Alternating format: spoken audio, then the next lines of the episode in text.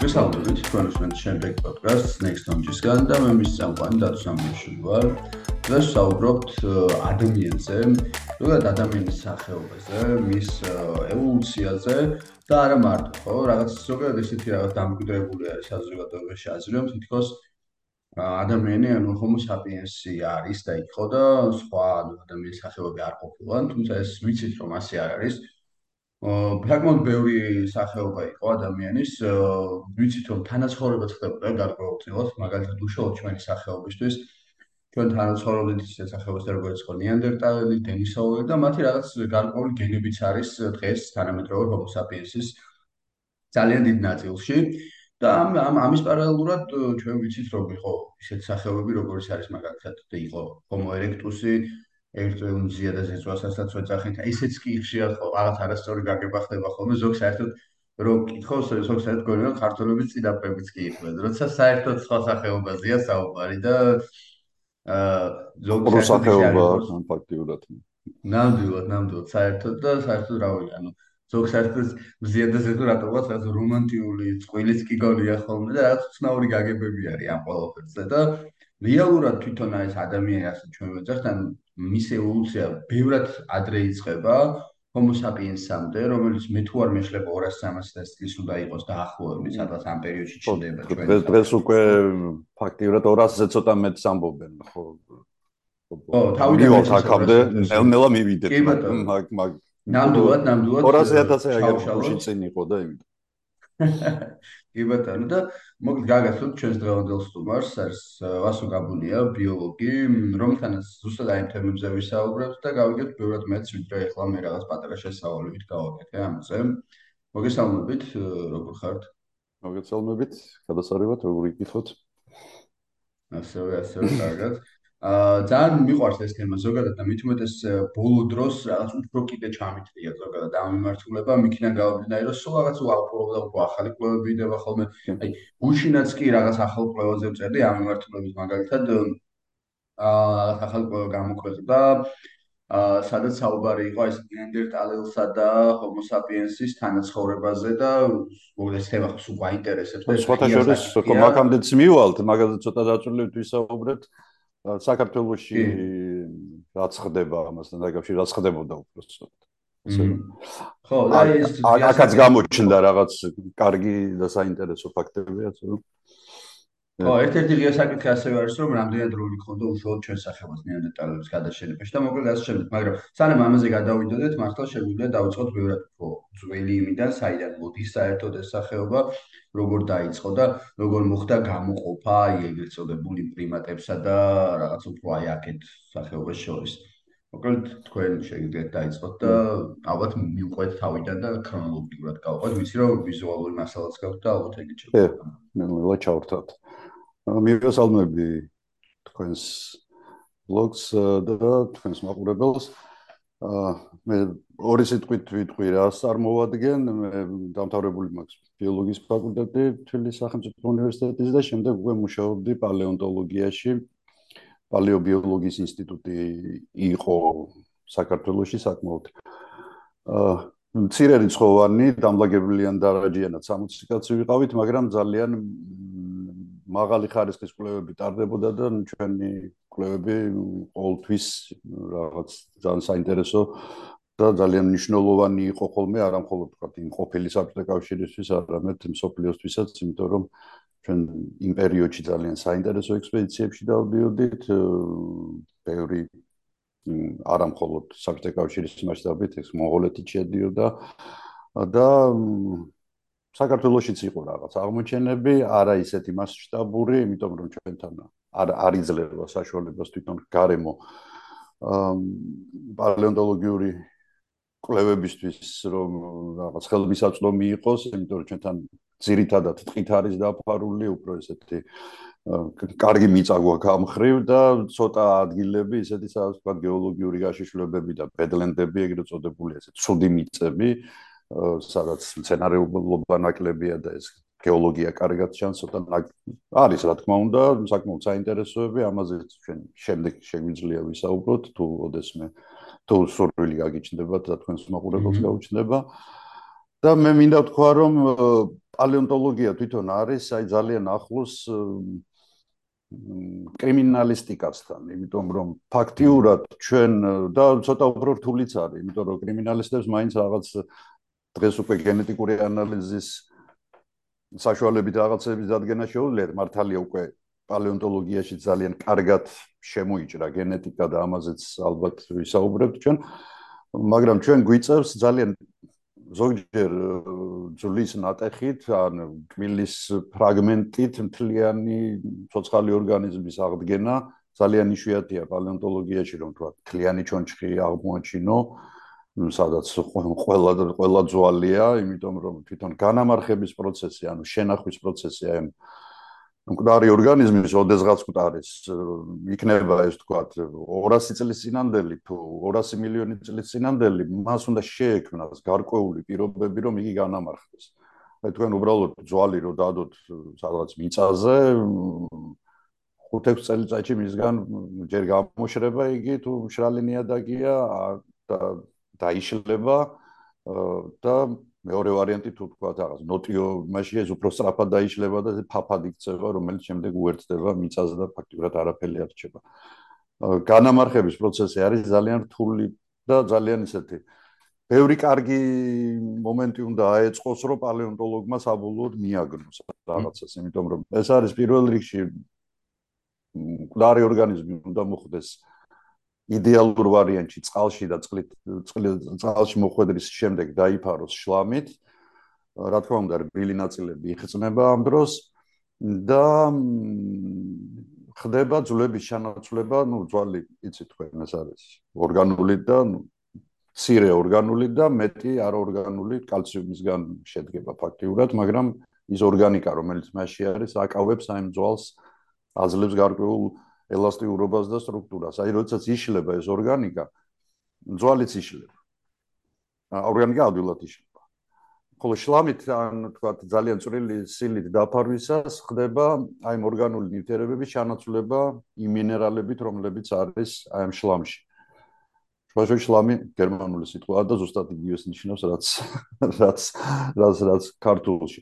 აა და ამ დროს ხდება ძვლის გაქვავება. პირდაპირ მნიშვნელობით ჩვენ პოულობთ ძლებს პროფესორად ქვებს, რომლებსაც აქვთ გამეორებული ძვლის ფორმა. შემდეგ ეს უნდა მოხდეს აუცილებლად, უნდა დაიფაროს, შემდეგ უნდა გაშრეს ეს წყალსატევი, წყალსატევი ანის გუბურა, ანის ტბა, რომელშიც ეს ცხოველია მოხვედრილი და უკვე შლამით დაფარული. შემდეგ უნდა მოხდეს მისი კონსერვაცია, თქვათ, თათა წარმოშობის ან სხვადასხვა პროცესების შედეგად უნდა მოხდეს მისი ამოწევა, შემდეგ გაშიშვლება და შემთხვევით პოვნა ადამიანის მიერ. ანუ ძალიან ბევრი ფაქტორი უნდა დაემთხვას ერთმანეთს, რომ პალეონტოლოგმა საბოლოოდ აღმოაჩინოს და იპოვოს უბრალოდ შემთხვევით გადააწყდეს აი ნამარხ ცხოველის ნაშთებს. ამიტომ ძალიან იშვიათია. ამიტომ არის რომ თქვა იგივე ადამიანის იგივე დინოზავრების ახლა ასობით სახეობაა ხო დღეს დინოზავრები ცნობილი, მაგრამ ყოველდღიურად ახალი და ახალი სახეობები ჩნდება. რა თქმა უნდა, პალეონტოლოგებმა იციან დაახლოებით სად შეიძლება მოძებნონ, მაგრამ მე ვიცნობ პალეონტოლოგებს, რომლებსაც ცხოვრებაში არაფერი არ უპოვიათ, იმიტომ რომ ну ასეა. ხდება და სწავლობენ სხვის ნაპოვნს. შეიძლება მთელი ცხოვრება იარო ექსპედიციებში და ვერაფერი იპოვო. შეიძლება ერთხელ გახვიდე ერთ ექსპედიციაში და ისეთი რამ იპოვო, რომელიც მეცნიერებას გადაატრიალებს. ამიტომ არის რომ ძალიან ხშირად ჩვენ ცხოველების და მცენარეების აი თლიან ჯაჭვს, მათ განვითარებას, ევოლუციას თითქმის ვერ ხედავთ ხოლმე. ну არის მოლუსკებში ისეთ სოციალურ ორგანიზმებში რომლებიც თქვა მასიურად იყვნენ მაგალითად იგივე ამონიტები რომლებიც ახლა თქვენ რო გახვიდეთ იმერეთში ან რაჭაში ან ლეჩხუმში აი კირქვებში იგივე თიანაჭარ სამეგრელოში. ყველგან იპოვით ამონიტს ყველგან თითქმის ყველგან იპოვით ზღვის ზღარბს იმიტომ რომ ისინი მასიურად იყვნენ გაუცელებულები და ეს განამარხების განამარხებაც ადვილად ხდებოდა. სკელი ნიჟარები აქვთ მათ და დღეს ჩვენ პოულობთ მათ აი ჩვეულებრივ ადამიანს შეუძლია თავისი სოფელში, იმერეთში, სამეგრელოში იპოვოს ამონიტიც, ზღვის ღარბიც და ზღვის ლილიაც და ასე შემდეგ. მაგრამ ცხოველები ასე არ არის, ხო ხა დინოზავრები ათასობით ერთ ადგილას არ დადიოდნენ მაგალითად. ადამიანებიც ასევე, თქვა ადამიანის წინამორბედები, თქვა იგივე პრიმატები, რომლისგანაც რომლებიც ჩვენს წინაპრებად ითვლებიან შორეული წინაპრები. იქ საერთოდ არ იყო კარგი პირობები განამარხების, ამიტომ არის რომ ძალიან იშვიათად ხდება. ბათ აი იმ იმ ძვლების პოვნა, რომლებზეც ჩვენ ახლა ვისაუბრებთ, ძირითადი თემა რაც არის და ყოველწლიურად რაღაცა ფრაგმენტის აღმოჩენა ხდება, იცვლება აბსოლუტურად ყველაფერი. თუ აქამდე ვთქვათ 91 წლამდე მაგალითად ითვლებოდა რომ homo erectus-ები აფრიკაში იყვნენ ჯერ კიდევ და უცებ შემთხვევით აბსოლუტურად და მე ამ ისტორიას მოგიყვებით, იმიტომ რომ უშუალო მონაწილე ვარ ამ ისტორიის დასაწყისის უпроსოდ გაგრძელების აღარ სამწუხაროდ. სრულიად შემთხვევით აღმოჩნდა რომ აგერ თბილისიდან 60 კილომეტრში თურმე მთელი ჯოგი ცხოვრობს, ხო? ცხოვრობდა უბრალოდ Homo erectus-ების, რომლებმაც რომელთა პოვნამაც და იდეალურმა შენახულობამ გამოიწვია ის სენსაცია, რომ ფაქტიურად არ დარჩა Science-დან Nature-ამდე არც ერთი ჟურნალი ასეთ მაღალ რეიტინგული და სამეცნიერო პოპულარულს რო თავი დავანებოთ, სადაც ამ აღმოჩენის შესახებ არ დაიბეჭდა. ეს იყო მართლა საოცრება, მართლა ძალიან დიდი ბედმა გაგვიღიმა, ასე ვთქვათ, რომ ვიპოვეთ, მაგრამ არ არის გამორიცხული, რომ ვთქვათ, უფრო ძველი აღმოჩნდეს სადღაც ნუ ირანის ტერიტორიაზე, ან ვთქვათ, უბრალოდ ჯერ არ გვიპოვნია. აა აი მაშია პალეონტოლოგიის არასრულ ყოფილებაც და საინტერესოობაც, რომ სადღაც დევს აშკარად გველოდება ნამარხი, რომელიც კიდევ ერთხელ გადაატრიალებს ადამიანს. ну ადამიანებზე რადგან საუბრობთ ადამიანის წარმოშობის ისტორიას. აუცილებლად დევს სადღაც. და არაერთი. მაგრამ შეიძლება არც დევს იმიტომ რომ არ მოხვდა უბრალოდ ის სადღაც ისეთ ადგილას რომ იგი განამარხებულიყო და შემდეგ ჩვენ გვეპოვა მაგრამ მე მაინც იმედი მაქვს რომ ვიპოვით რაღაცებს რომლებიც უფრო მეტ შუქს შეიტანენ აი ადამიანის წარმოშობაშიც და შემდეგ უკვე ჩვენამდე homo sapiens-ამდე მოსვლაშიც ასე რომ ასე რომ დავალოდოთ. ანუ ისე ვიმეორებ პალეონტოლოგია არის პატარა ნატეხის მიხედვით თლიანი მთლიანი ცხოვრების ნირის აღდგენაც შეიძლება მაგალითად კბილები არის ძალიან ინფორმატიული ჩვენ კბილის მიხედვით. ვაიმე ჩემი ისტორიას მოგიყვებით უბრალოდ სულიად სულიად შემთხვევით როგორ რა თქმა უნდა გამიზნულად არ ვეძებდი და ამიტომ. ყაზახეთიდან ჩამოტანილ მასალაში აღმოვაჩინე. ну წარმოიდგინეთ მილიმეტრი მილიმეტრ ნახევარზე აა კბილი. რომელიც ვერაფერს ვერ მივამსგავსე, როდესაც მე მასალებს ვათვალიერებდი, აბსოლუტურად განსხვავებული კბილი იყო, რომელიც არაფერს შეარიჯდა და შემდეგ უბრალოდ დავიწყე ისეთ ცხოველებთან შედარება, რომლებიც, ну, აზიაში არ უნდა ყოფილიყვნენ. აა, იმიტომ რომ ითვლებოდა ეს დამკვიდრებული აზრი იყო, რომ აზიაში ეს ცხოველი არ არის. აღმოჩნდა, რომ ეს არის ოპოსუმი, ანუ ჩანთოსანი თაგვი, რომლებიც ეხა ჩანთოსნები მოიხსენებათ ეს არის ჩრდილოეთ ამერიკის სამხრეთი, სამხრეთ ამერიკა და ნუ ავსტრალია ეხა ჩანთოსნების სამეფო. ამან გამოიწვია უზარმაზარი სენსაცია, ნუ დადასტურებულად ეს იყო ჩანთოსნის კბილი და ერთი ცალი კბილი. აი ერთი ცალი კბილი, რომელზეც დაიწერა უამრავი სტატია ჯერ ჩვენ გამოვაქვეყნეთ და შემდეგ უკვე თითქმის ყველა ისე წამყვა ჟურნალში, იმიტომ რომ ეს იყო მართლა სენსაციური მოვლენა, ყველას ეგონა რომ ეს ცხოველები იზოლირებულად ვითარდებოდნენ სამხრეთ ამერიკაში და ავსტრალიაში, შემდეგ უკვე სამხრეთ ამერიკა, როდესაც ჩრდილოეთ ამერიკას დაუკავშირდა ეს ოპოსუმები გადავიდნენ და უკვე ჩრდილოეთ ამერიკის სამხრეთში წვდებიან, მაგრამ აზიაში ისინი არ იყვნენ. ანუ ერთმა კბილმა გადაწყვიტა ფაქტიურად ამ ცხოველების დაახლოებით ეს არის 52-53 მილიონი წლის ასაკის არის ეს კბილი. უცებ გადატრიალდა, ანუ წავიდა მიგრაციის ახალი ახალ თეორიებზე საუბარი და საინტერესო იყო ის, რომ იმავე წელს აღმოჩნდა ანტარქტიდაზე და აღმოჩნდა აფრიკაში. ანუ ესე წაეწყო და მთლიანად შეიცვალა აი მსხოველების გავრცელების აი თეორიები, რომ თავიდან იყო რომ აქ იყვნენ და იქ იყვნენ და მე რეკეთ მიდიოდნენ და აქეთ მოდიოდნენ კონტინენტების დრეიფის თეორია, ну, ძალიან შორს წავალთ, მაგრამ ну, ყოველ შემთხვევაში ერთ პატარა ნატეხს, ერთ პატარა არტეფაქტ შეუძლია მთლიანად ამოაყირაოს, თქვათ, წლების და აწლეულების განმავლობაში ჩამოყალიბებული რაღაც თეორიები და სწორედ ეს ერთი ნატეხის საშუალებით აღდგენა მთლიანი ცხოველის ეს დილეტანტისთვის და ჩვეულებრივი ადამიანისთვის ცოტა წარმოუდგენელი რამ არის, მაგრამ ეს არის რეალობა.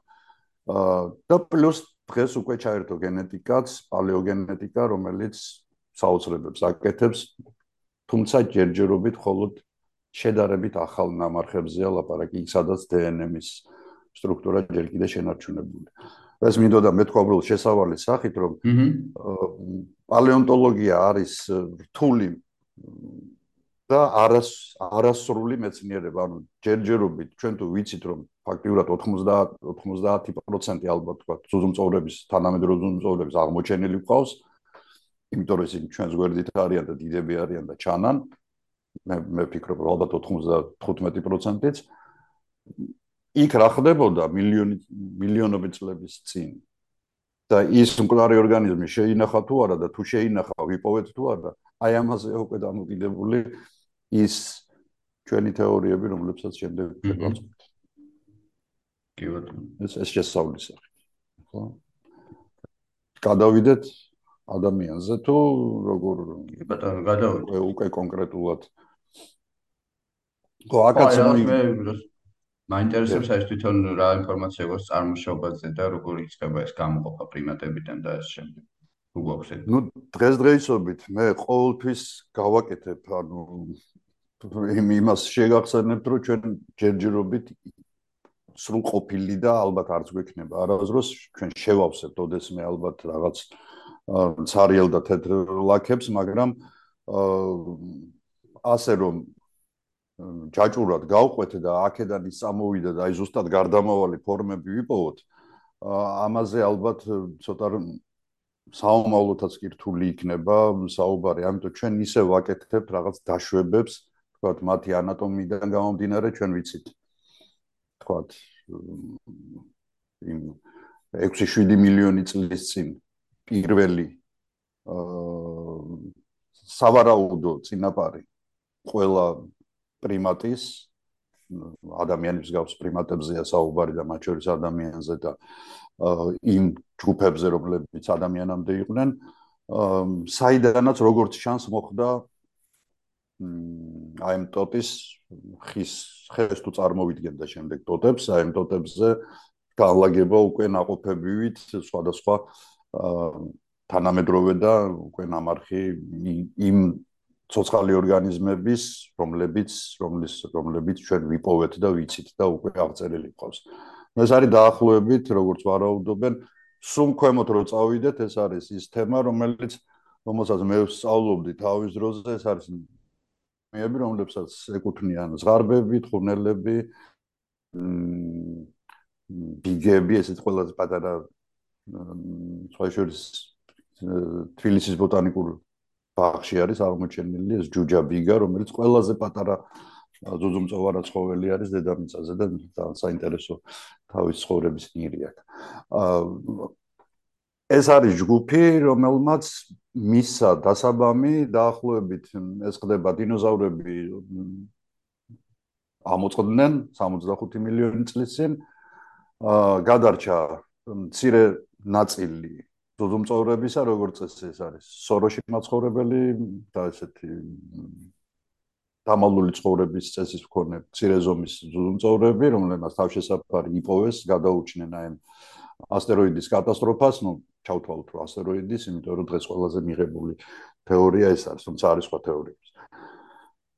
და უკვე მათ ეძლევათ ასპარეზი, დაიპყრონ დედამიწა და დაიწყონ სხვადასხვა ტერიტორიების და სხვადასხვა ეკოსისტემების ათვისება. ამასთან ერთად ხდება მათი რა თქმა უნდა დაშორება ერთმანეთისგან რა ვიცი, იქნება ჩლიკოსნების, წყვილჩლიკოსნების და კენჩლიკოსნების, იქ ვეშაპების, კლასიკური წერიჭამიების, დაცებლების რიგები და ასე შემდეგ, ამას ჩავყვეთ ბევრი რიგია, ხო, ზუზუმწოვრების.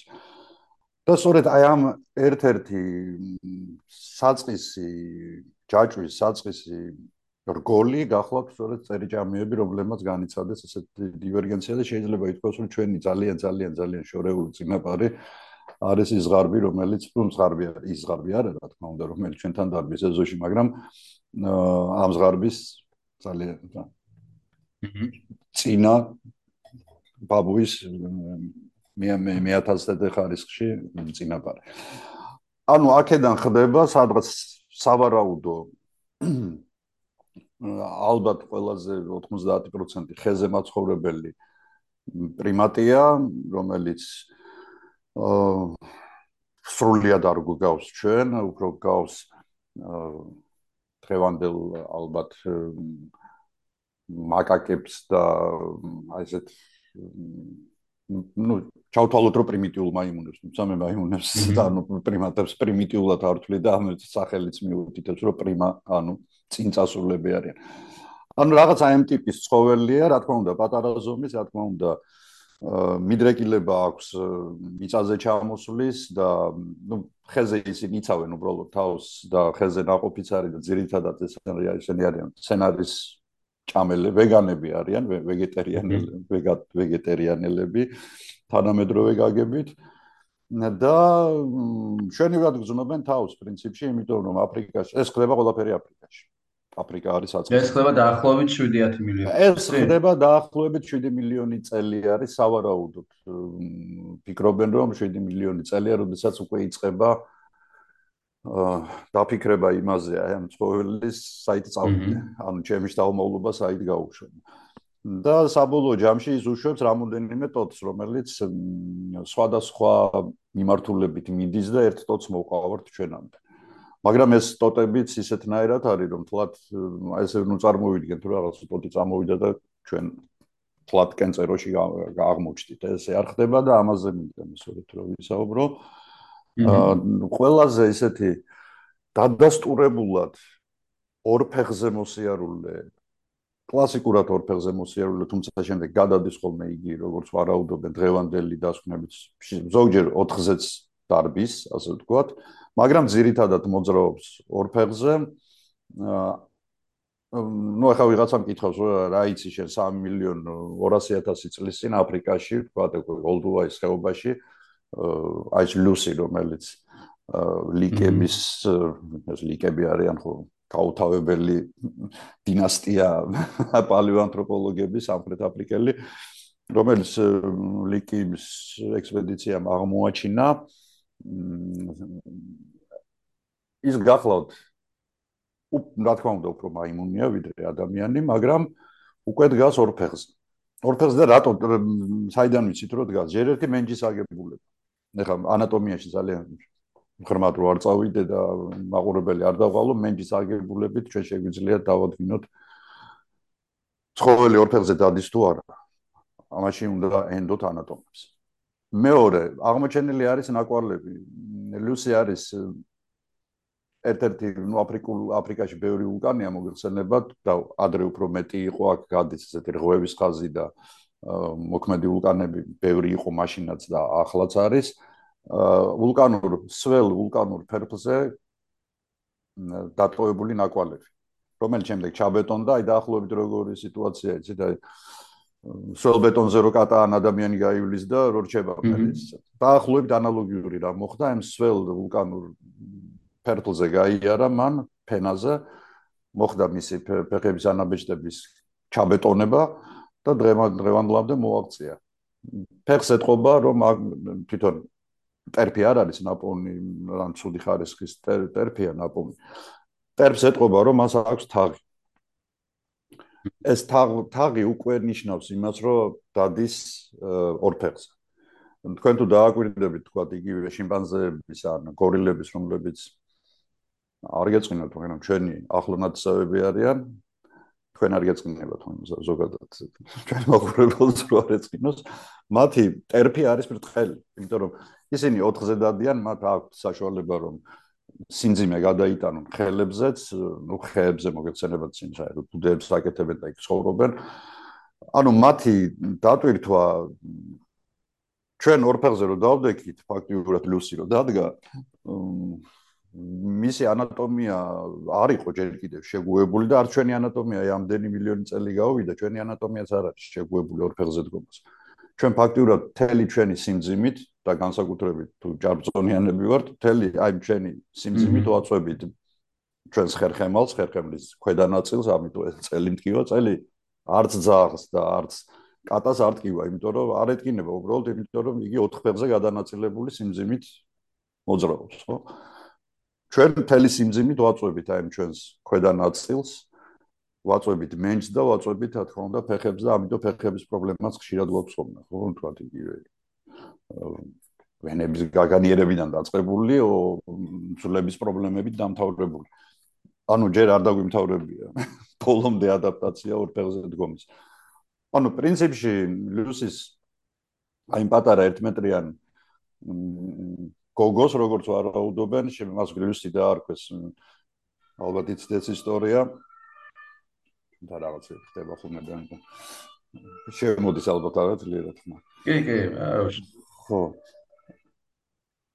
ლუსი დაარქვეს, იმიტომ რომ იმ მომენტში ლუსი in the sky in diamonds უსმენდნენ with diamonds ხო ბიტლების და ამიტომ ბიტლზის და ამიტომ გააკანეს და ლუსი და არქვის აღმოჩნდა რომ მართლა გოგოა იმიტომ რომ შემდეგ მენჯის ნაწილები იპოვეს და ესეთი გაშლილი მენჯი აქვს გაშლილი მენჯი უკვე ნიშნავს იმას რომ ამითაც შეიძლება სქესის დადგენა.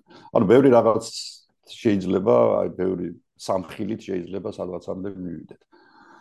აა შემდეგ უკვე ეს არის აა ესე იგი აფარის მიდამოებში მოხდა მისი აღმოჩენა და დაარქვეს ავსტრალოპიტეკი, ანუ სამხრეთული მაიმუნი, მაინც ჯერ ადამიანს არ არქმევს ლიკი და შემდეგ უკვე იოჰანსენი, ასევე სამხრეთ ამერიკელი, სამხრეთ აფრიკელი ბრიტანული წარმოშობის სამხრეთ აფრიკელი მეცნიერი, იგი პოულოს თელ ოჯახს.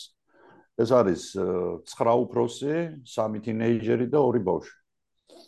საკმაოდ კარგი დაცულობის პალეონტოლოგიისთვის კარგ დაცულობად ითვლება ის რომ თქვა ერთი 20% მაინც არის ძვლები შენარჩუნებული, მაგრამ თლიანობაში როდესაც ააწყვეს ეს ჩონჩხები, შემდეგ რა თქმა უნდა იმ ფრაგმენტების მიმატება მოხდა ხელოვნურად და უკვე მიიღეს აა 3 მილიონ 3 მილიონ 200 000 წლის აა ცოცხალი ორგანიზმი ავსტრალოპითეკუს აფარენზის, რომელიც გარკვეულ და უკვე აშკარად, ანუ დგას, ეს ლუსის ნათესავები არიან, ახლონათესავები ფაქტურად იგივე სახეობაა, რომელიც აშკარად დგას ორ ფეხზე. და შიგადაში გადადის ხელების დახმარებით, როგორც ვარაუდობენ, ალბათ უფრო სირბილის ანგაქცების როსაა. თითები აქვს ძალიან გრძელი და ეს იმას ნიშნავს, რომ ჯერ კიდევ ხეს იგი ვერცხილდება. აა ეს ცერათითი ძალიან ძალიან მაგარი რამე გვაქვს, რომლითაც ვაკეთებთ ჩვენ ყველაფერს. ჩვენ ნებისმიერი ერთი თითის დაკარგვა დიდ არაფერს ზიანს არ გვაძლევს, მაგრამ აი ცერათითის დაკარგვა უკვე ძალიან ბევრი ესეთი თქვათ წვრილი სამუშაოების გასაკეთებლად ჭირდება აი ეს ცერა, რომელიც ლუსის დამხმარეა ყველაფრის. ყველაფრის ფაქტიურად ჩვენ აი ამ მოჭიდებას რაღაც ფაქიზ მოძრაობებს ყველაფერს ვაკეთებთ აი ამის დახმარებით, რომ ის არის პერპენდიკულარულად ხელის გულისა. აი ეს ხელი ჯერ კიდევ ლუსის აქვს აი ეს ცერა თითო ხო, ну ფაქტიურად ცერა ცერა ჯერჯერობით ისე არ არის, როგორც უნდა კონდეს თუ რაღაცა შეასრულოს. მოჭიდებას უფრო ალბათ ხეებზე სასიარულოდ ჭირდება მას თავდასაცავად, ასევე იქ ალბათ ბუდეებსაც იკეთებდა როგორც თანამედროვე შიბაძეები და ალბათ, ну, ძირითადად იკვებებოდა იმ ناقოფით, რომელიც იზრდებოდა. აი ესეც შეგითხვა გვაქვს ახლა. როგორ როგორ აი დაახლოებით თუ გვაქვს წარმოქმნა როგორი გონება უნდა ქონდათ მას და როგორი შესაძლებლობები ანუ აი მაგალითად იგივე შიმპანზესა და მას მათ შორის ანუ აი ლუსის შორის სიტყვაზე ანუ გონებრივ შესაძლებლობებში წესით განსხვავება უნდა ყოფილიყო მნიშვნელოვანი რამე. აა იმდენად რამდენად ჩვენ ახლა გონებრივ შესაძლებლობებს ნამარხებისას ვადგენთ ხოლმე ქალას აა სატვინე კოლოფის პროპორციებთან სხეულთან სხეულთან პროპორციაში. და მის მოცულობაში ხო? ნუ ეხა მოგეხსენებათ ადამიანს და ნეანდერტალელს ჰქონდათ ყველაზე ნეანდერტალელი ჩვენ გვჯობდა კიდე უფრო დიდი თავი ჰქონდა. ეხა ძალიან დიდი თავი დიდი ტვინის მანიშნებელი ყოველთვის არ არის მაგრამ ნუ ყოველ შემთხვევაში მოცულობა ტვინის ანუ hard disk-ი რომელიც 1 ტერაბაიტიანია ვთქვათ ჩავთვალოთ ადამიანებში იქ ალბათ იქნებოდა სადღაცა 2-3 მეგაბაიტიანი იმიტომ რომ პატარა თავის ტვინია ვარაუდობენ რომ რაღაცა შეიძლება ისევე როგორც შიმპანზეები და სხვა შორის დაბალი რანგის მაიმუნები, ხუდიანი მაიმუნები იყენებენ იარაღს. თქვა ჭიანჭველების ამოსაყვანად ჯოხს ტეხენ ტეხავენ და იმას ყოფენ თქვა იმ ჭიანჭველების ბუდეში ხა შიმპანზე და გორილა მაგალითად ქვას იყენებს როგორც იარაღს თავდასხმისთვისაც რაღაცის გასატეხადაც ანუ მათ ეს მარტივი პრიმიტიული და სხვა შეს გადაცემენ ერთმანეთს ამ გამოცდილებას. ასე ვთქვათ იგივე ჩემეზოში აგერ ხა დღეს კაკალი დამწიფდა და უკვე ყვავები შეესიან აქვს ზემოთ და ზემოდან აგდებენ რომ გატეხონ ნაჭუჭი. ხო ეს ეხა კი ყვავი ძალიან ჭუიანია ერთ-ერთი ესეთი წინწასული ცხოველია ფრინველებში შეიძლება ითქვას ყველაზე ინტელექტუალური მაგრამ ხა ყვავია რა. იმან ისიც რაღაცით მიხვდა რომ ზემოდან თუ ჩამოაგდებ კაკალს გატყდება სხვანაირად ვერ გატეხავ. და არის რაკარუკი ხოლმე ძირითადად მანქანებს ესურიან ისიც იციან სად დააგდო. დაახლოებით ასეთი ტიპის მოქმედებებს როგორ ჩანს მაინც აკეთებდა იმიტომ რომ თლად თლად დებილიც არ არის. პატარა ტვინია მართალია თვითონ პატარა ტანად მაგრამ რადგან სადღაცა როგორც ვარაუდობენ 1 მილიონი წელი მაინც გაძლო და გაძლო ძალიან ცუდ პირობებში, იმიტომ რომ ეს არის აფრიკას, რომელიც დასახლებული არის იმ პერიოდში უამრავი მტაცებელით. ეხლა ის მტაცებელები, რომლებიც იქ არიან დღეს, ლომი და ლეოპარდი მაგალითად, იმ მტაცებლებთან, რომელიც რომელსაც ლუსი შეესრო, პატარა ბავშვები არიან, იმიტომ რომ ეს არის გიგანტური თლათ ხმალკვილა ვეფხვი არ არის, მაგრამ ლეოპარდი არის, რომელიც არის თანამედროვე ლეოპარდზე გაცილებით დიდი. აქვს უზარმაზარი კბილები და ერთ-ერთი თავის ქალა არის ნაპოვნი სხვათა შორის გამოქვაბულში ლეოპარდთან ერთად. ძალიან უნიკალური შემთხვევა იყო. როგორც ჩანს, ორივე ჩავარდა ნადირობის შემდეგ ლეოპარდი ჩავარდა ხაროში, სადაც ორივე მოკვდა. ის უკვე მყარი იყო, იმიტომ რომ თავის ქალაში ქონდა ამ ლეოპარდის ორი დიდი ეშვი ეშვი ეშვის ნახურეთი. როგორც ჩანს საათრია და ხეზე ატანის ნაცვლად სადღაცა ჩავარდნენ და ასე რომ ესეც არის ტანზან თუ არ ცდები ტანზანიაშია ნაპოვნი ძალიან დიდი ხნის ეს ავსტრალოპითეკია? ეს არის ავსტრალოპითეკი, ანუ საფრთხეთული მაიმუნი. ანუ ჯერ ჩვენ არ ვეძახით მას ანუ იმას ვერ ვიტყვით მაგალითად ანუ გონებრივ შეძლებებზე იმას ვერ ვიტყვით ანუ რამდენად შეიძლება ჩვენ ყოფილიყო უშუალოდ რომელიმე მაიმუნზე. ანუ მაგას ვერ ვიტყვით ალბათ ხო მაინც ხო ამას ალბათ ჯერჯერობით ვერ ვიტყვით. თუ რაღაცა ვიპოვეთ თქვათ ვიპოვეს უფრო სწორად ხო ვიპოვეთ ასე ვამბობთ პალეონტოლოგები. ყველა ერთმანეთზე ვიწერთ ხოლმე კარგი ნაპოვნებს აა თუ თუ სადღაც აღმოჩნდა და რაღაცა რომ სპეციალურად დამუშავებული იარაღს იგი იყენებდა მაშინ შეიძლება ვიფიქროთ ახლა თქვათ იგივე შიმპანზე არ ამუშავებს იარაღს. იგი ქვას იყენებს უბრალოდ როგორც იარაღს, მაგრამ მას სპეციალურად რაღაც ფორმას არ აძლევს. რასაც ჩვენ შემდეგ ვნახავთ უკვე. აა სხვა ხო ახლა მაგალითად Homo erectus აქვს უკვე იარაღები როგორც ვიცით და ხო არა Homo erectus-ი უკვე Homo erectus-ი სერიოზული ბიჭია, იმაზე ცალკე ვისაუბრებთ. ხო, ანუ სადღაც დაახლოებით აი ამ ადგილას ხდება გაყოფა უკვე აა სწორედ იმ იმ ჯგუფებად, რომლებიც ჩვენ დღეს გვაქვს, ეს არის შიმპანზეს და ბონობოს ჯგუფი 1, მეორე ეს არის აღმოსავლეთ და დასავლეთ გორილების ჯგუფი და უკვე აი ზედა ხაზი არის ის ხაზი, რომლითანაც ჩვენ სადაც ჩვენ ჩვენც ვართ ან აა ყველაზე პირველი პრინციპში ითვლება რომ აი ეს სახელანთროპი რომელიც 6-7 მილიონი წლის არის და ნუ ვარაუდობენ რომ ის არის სწორედ ჩვენი უახლოესი ნათესავი იმ შორეულ წარსულში იყო რა თქმა უნდა ხეზებინადარი ქონდა ძალიან პატარა თავის ტვინი მაგრამ უკვე კბილები უპატარავდება მას სახის ნაწილი ისე გამოწეული არ არის და ეს მაიმუნებისთვის არის დამახასიათებელი ძირითადად მასიური ყბები მასიური სახის ნაწილი აქვს რა თქმა უნდა მაგრამ უკვე ეთყობა რომ იგი არის შედარებით უკვე პროგრესისკენ მიდის ანუ აღარ აღარ არის ისეთი ცხოველური როგორიც თქვათ მისი წინაპრები არიან. ეს არდიპიტეკის მდგომარეობა ჯერჯერობით არ არის გარკვეული, როგორც ვარაუდობენ, სწორედ ის არის აი ამ სამი ხაზის მომცემი, ანუ გორილების, შიმპანზეების და ადამიანის მსგავსების და საბოლოოდ ადამიანის ეს ჯერჯერობით ისევ ეს უპირველი რაღაც პრიმატი უნდა იყოს. ხო, აი სახელ სახელანთროპი არის, ხო, ეს არის აი 7-6 მილიონი, 7 მილიონი წლის წინანდელი, სწორედ რაზეც მე ვსაუბრობდი, რომ ეს სავარაუდო აა სავარაუდო წინაპარი სამი ამ ჯგუფის სწორედ გახლავთ ამას თვლიან გახლავთ თუ არ გახლავთ ეს უკვე შემდეგომში დავდგინდება როცა კიდევ ახალი ნამარხები აღმოჩნდება მაგრამ ყველაზე ძველი პრიმატი, რომელიც მეტნაკლებად გავს შიმპანზეებსაც, გoriლებსაც და ადამიანის ჯგუფის პრიმატებსაც, ითვლება რომ აი ეს არის. ეს სახელანთროპის სახელის უდაბნოში არის ნაპოვნი, აი ზოლში, რომელიც სხვათაშორის ითვლებოდა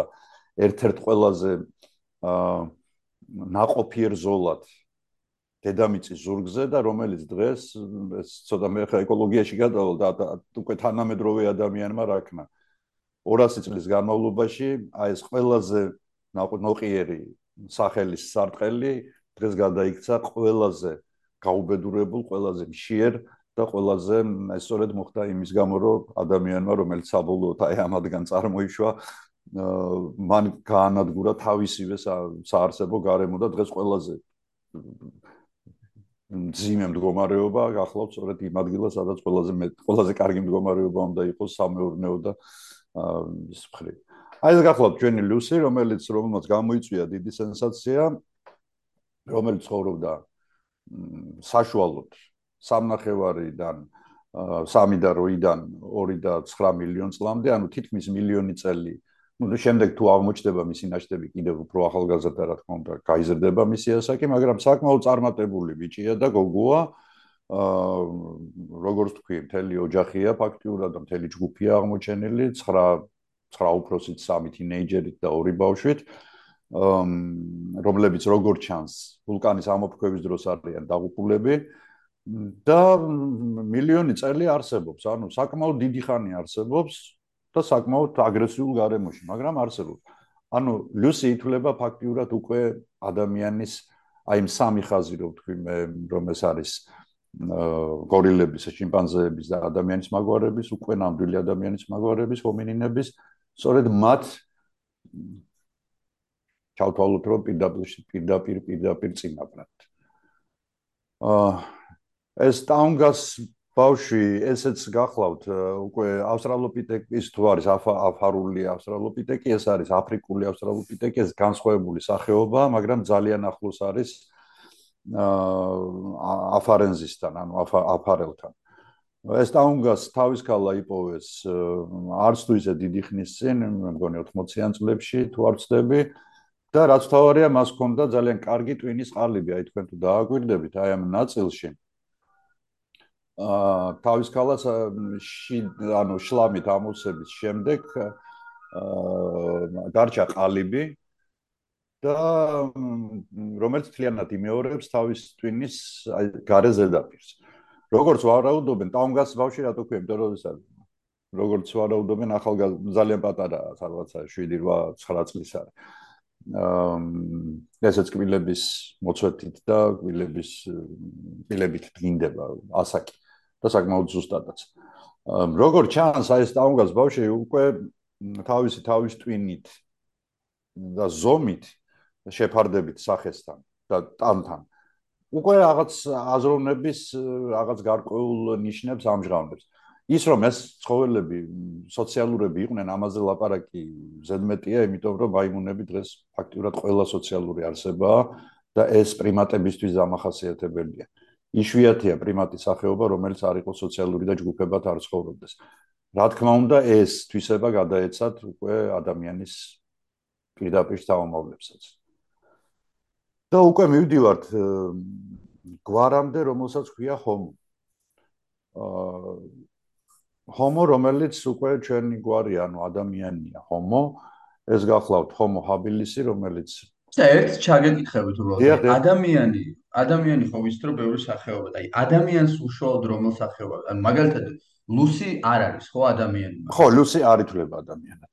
თუმცა ჰომო ერექტუსი უკვე ადამიანია homo erectus-ი და homo habilis-იც ადამიანია. კი, აი homo სადაც შემოდის. homo სადაც შემოდის ადამიანია. ო, ნუ ნეანდერტალელი თვლათ ახლა ზოგიერთი კლასიფიკაციით homo sapiens ნეანდერტალენზისა.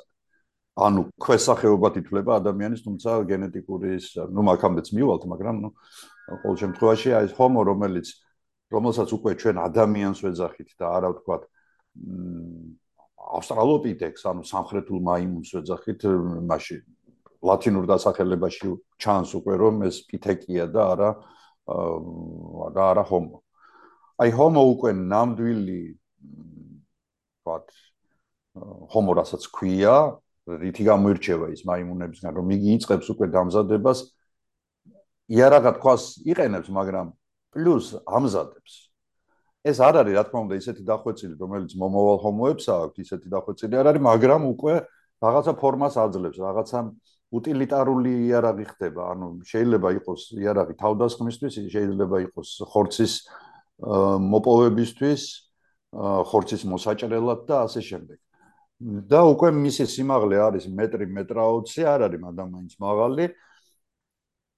აა და 2 მილიონი წლის წინ ჩნდება პირველად ოლდუაის ხეობაში, ისევ ეს არის კლონდაიკია აა პალეონტოლოგებისთვის აფრიკაში. აა ტვინის მოცულობა უკვე საკმაოდ კარგად აქვს 700 600 და 700 კუბურ სანტიმეტრამდე, ეს არ არის ცოტა.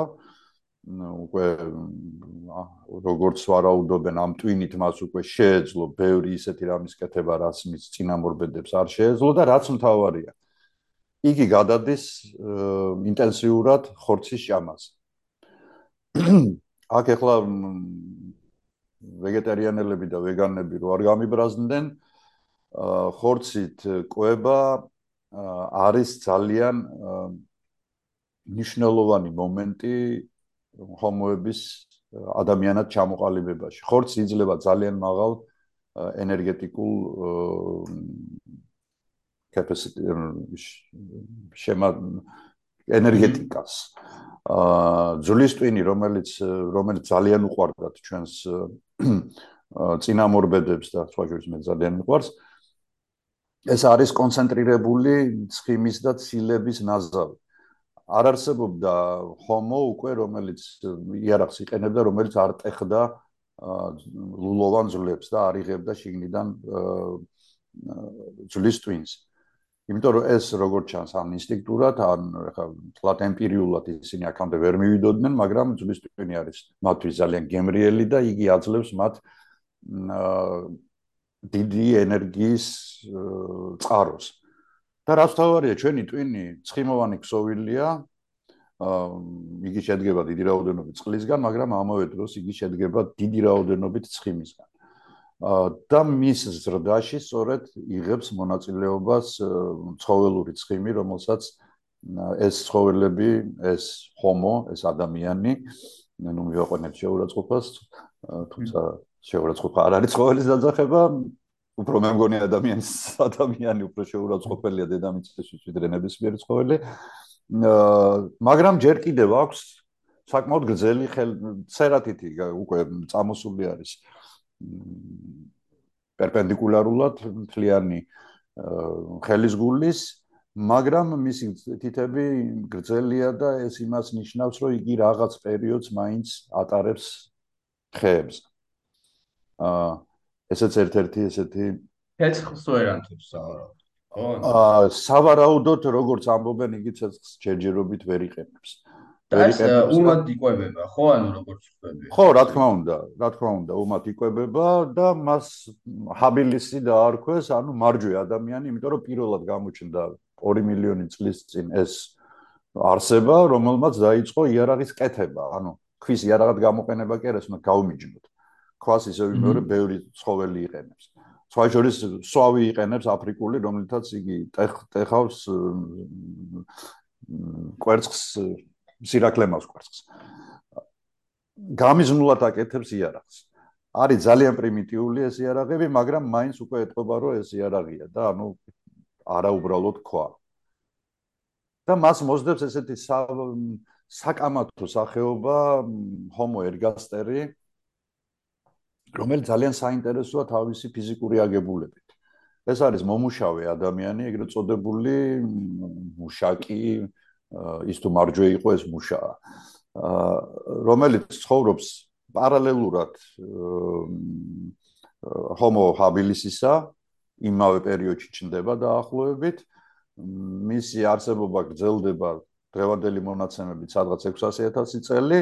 აქვს საკმაოდ კარგად გამოხატული თავის სატვინე კოლოფი, თავისი 900 კუბური სანტიმეტრი ტვინით და არის საკმაოდ მაღალი, რაც ძალიან საინტერესოა თვითონ ამ ჰომოების ისტორიაში, იმიტომ რომ ფაქტიურად ამ სიმაღლე ჰომო სხვა არ აქვს.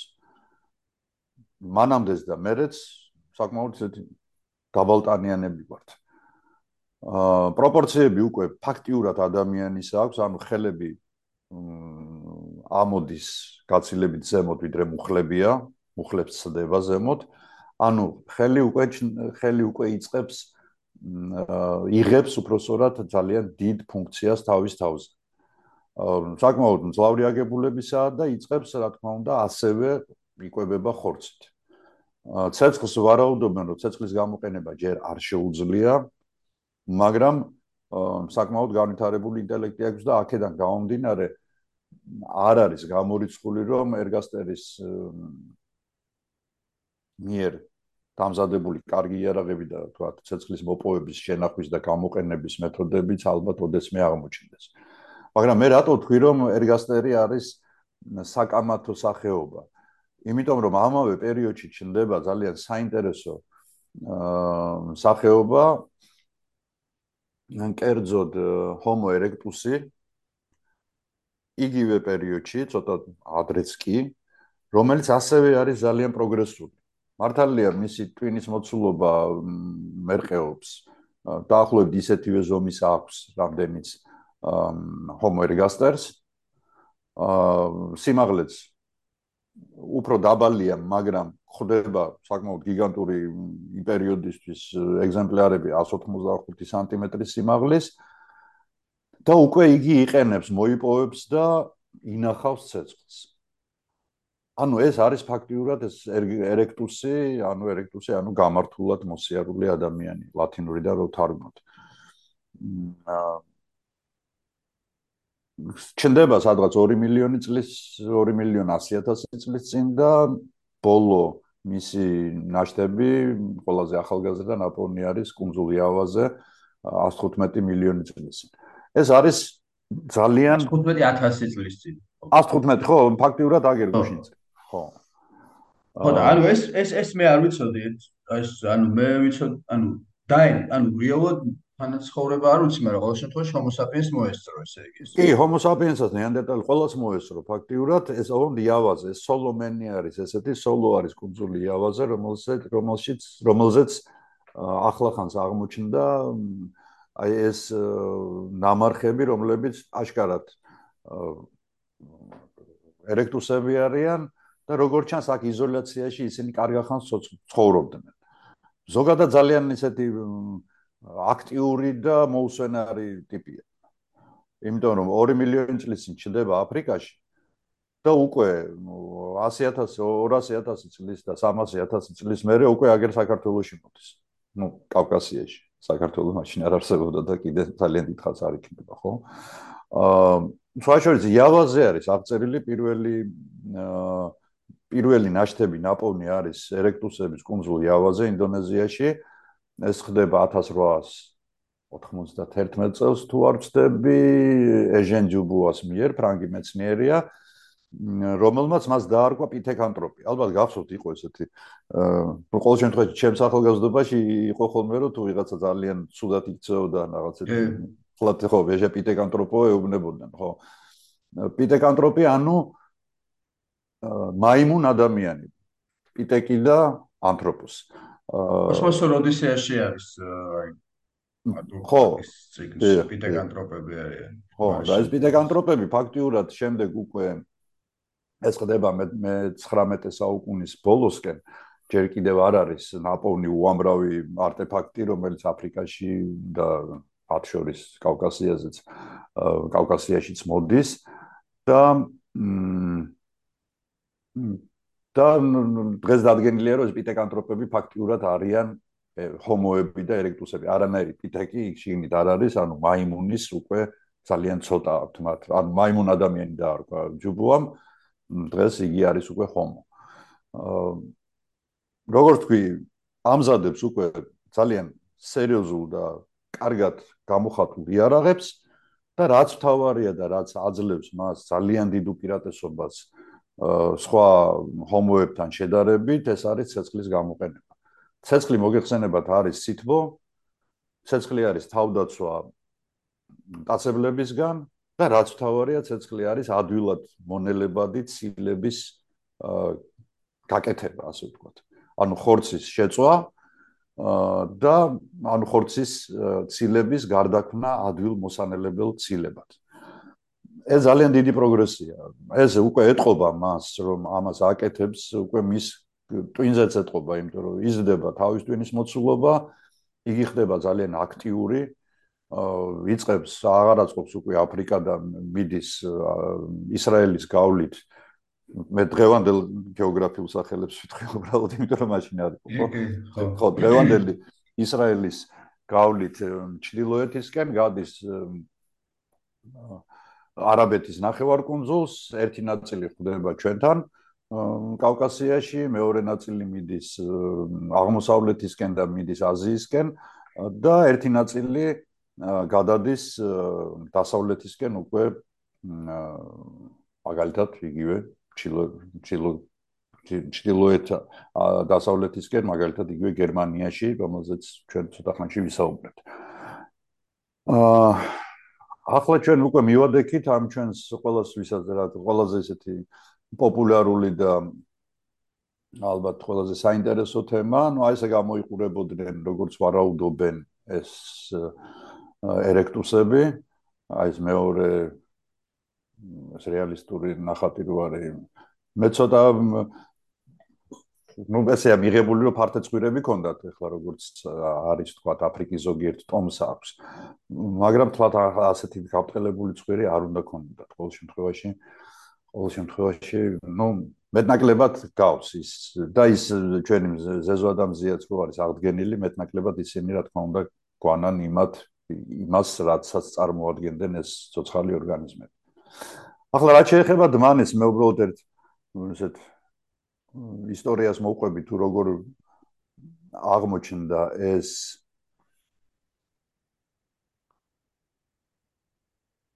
ა ერთ შეკითხვა გამოჩნდა უბრალოდ ეხა ეს homo erectus-ი და რომ გაგვეზარდა ანუ ჩვენ რო გაგვეზარდა რა პირობითად წარმოვიდგინოთ რომ ვიღაცას ჩვილი homo erectus-ი ჩაუვარდა ხელში და ჩვენს გარემოში ვზრდით რა.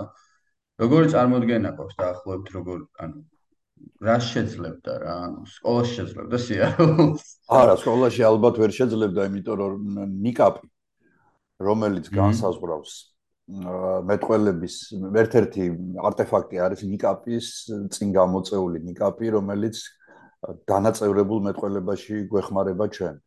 იმიტომ რომ აი ეს კუნთები, ენის კუნთები, ტუჩების კუნთები, რომლებიც რომლის საშუალებითაც ჩვენ დანაწევრებულად შეგვიძლია საუბარი თითეული ბგერის გამოთქმა, ეს ამათ ჯერ არ აქვს.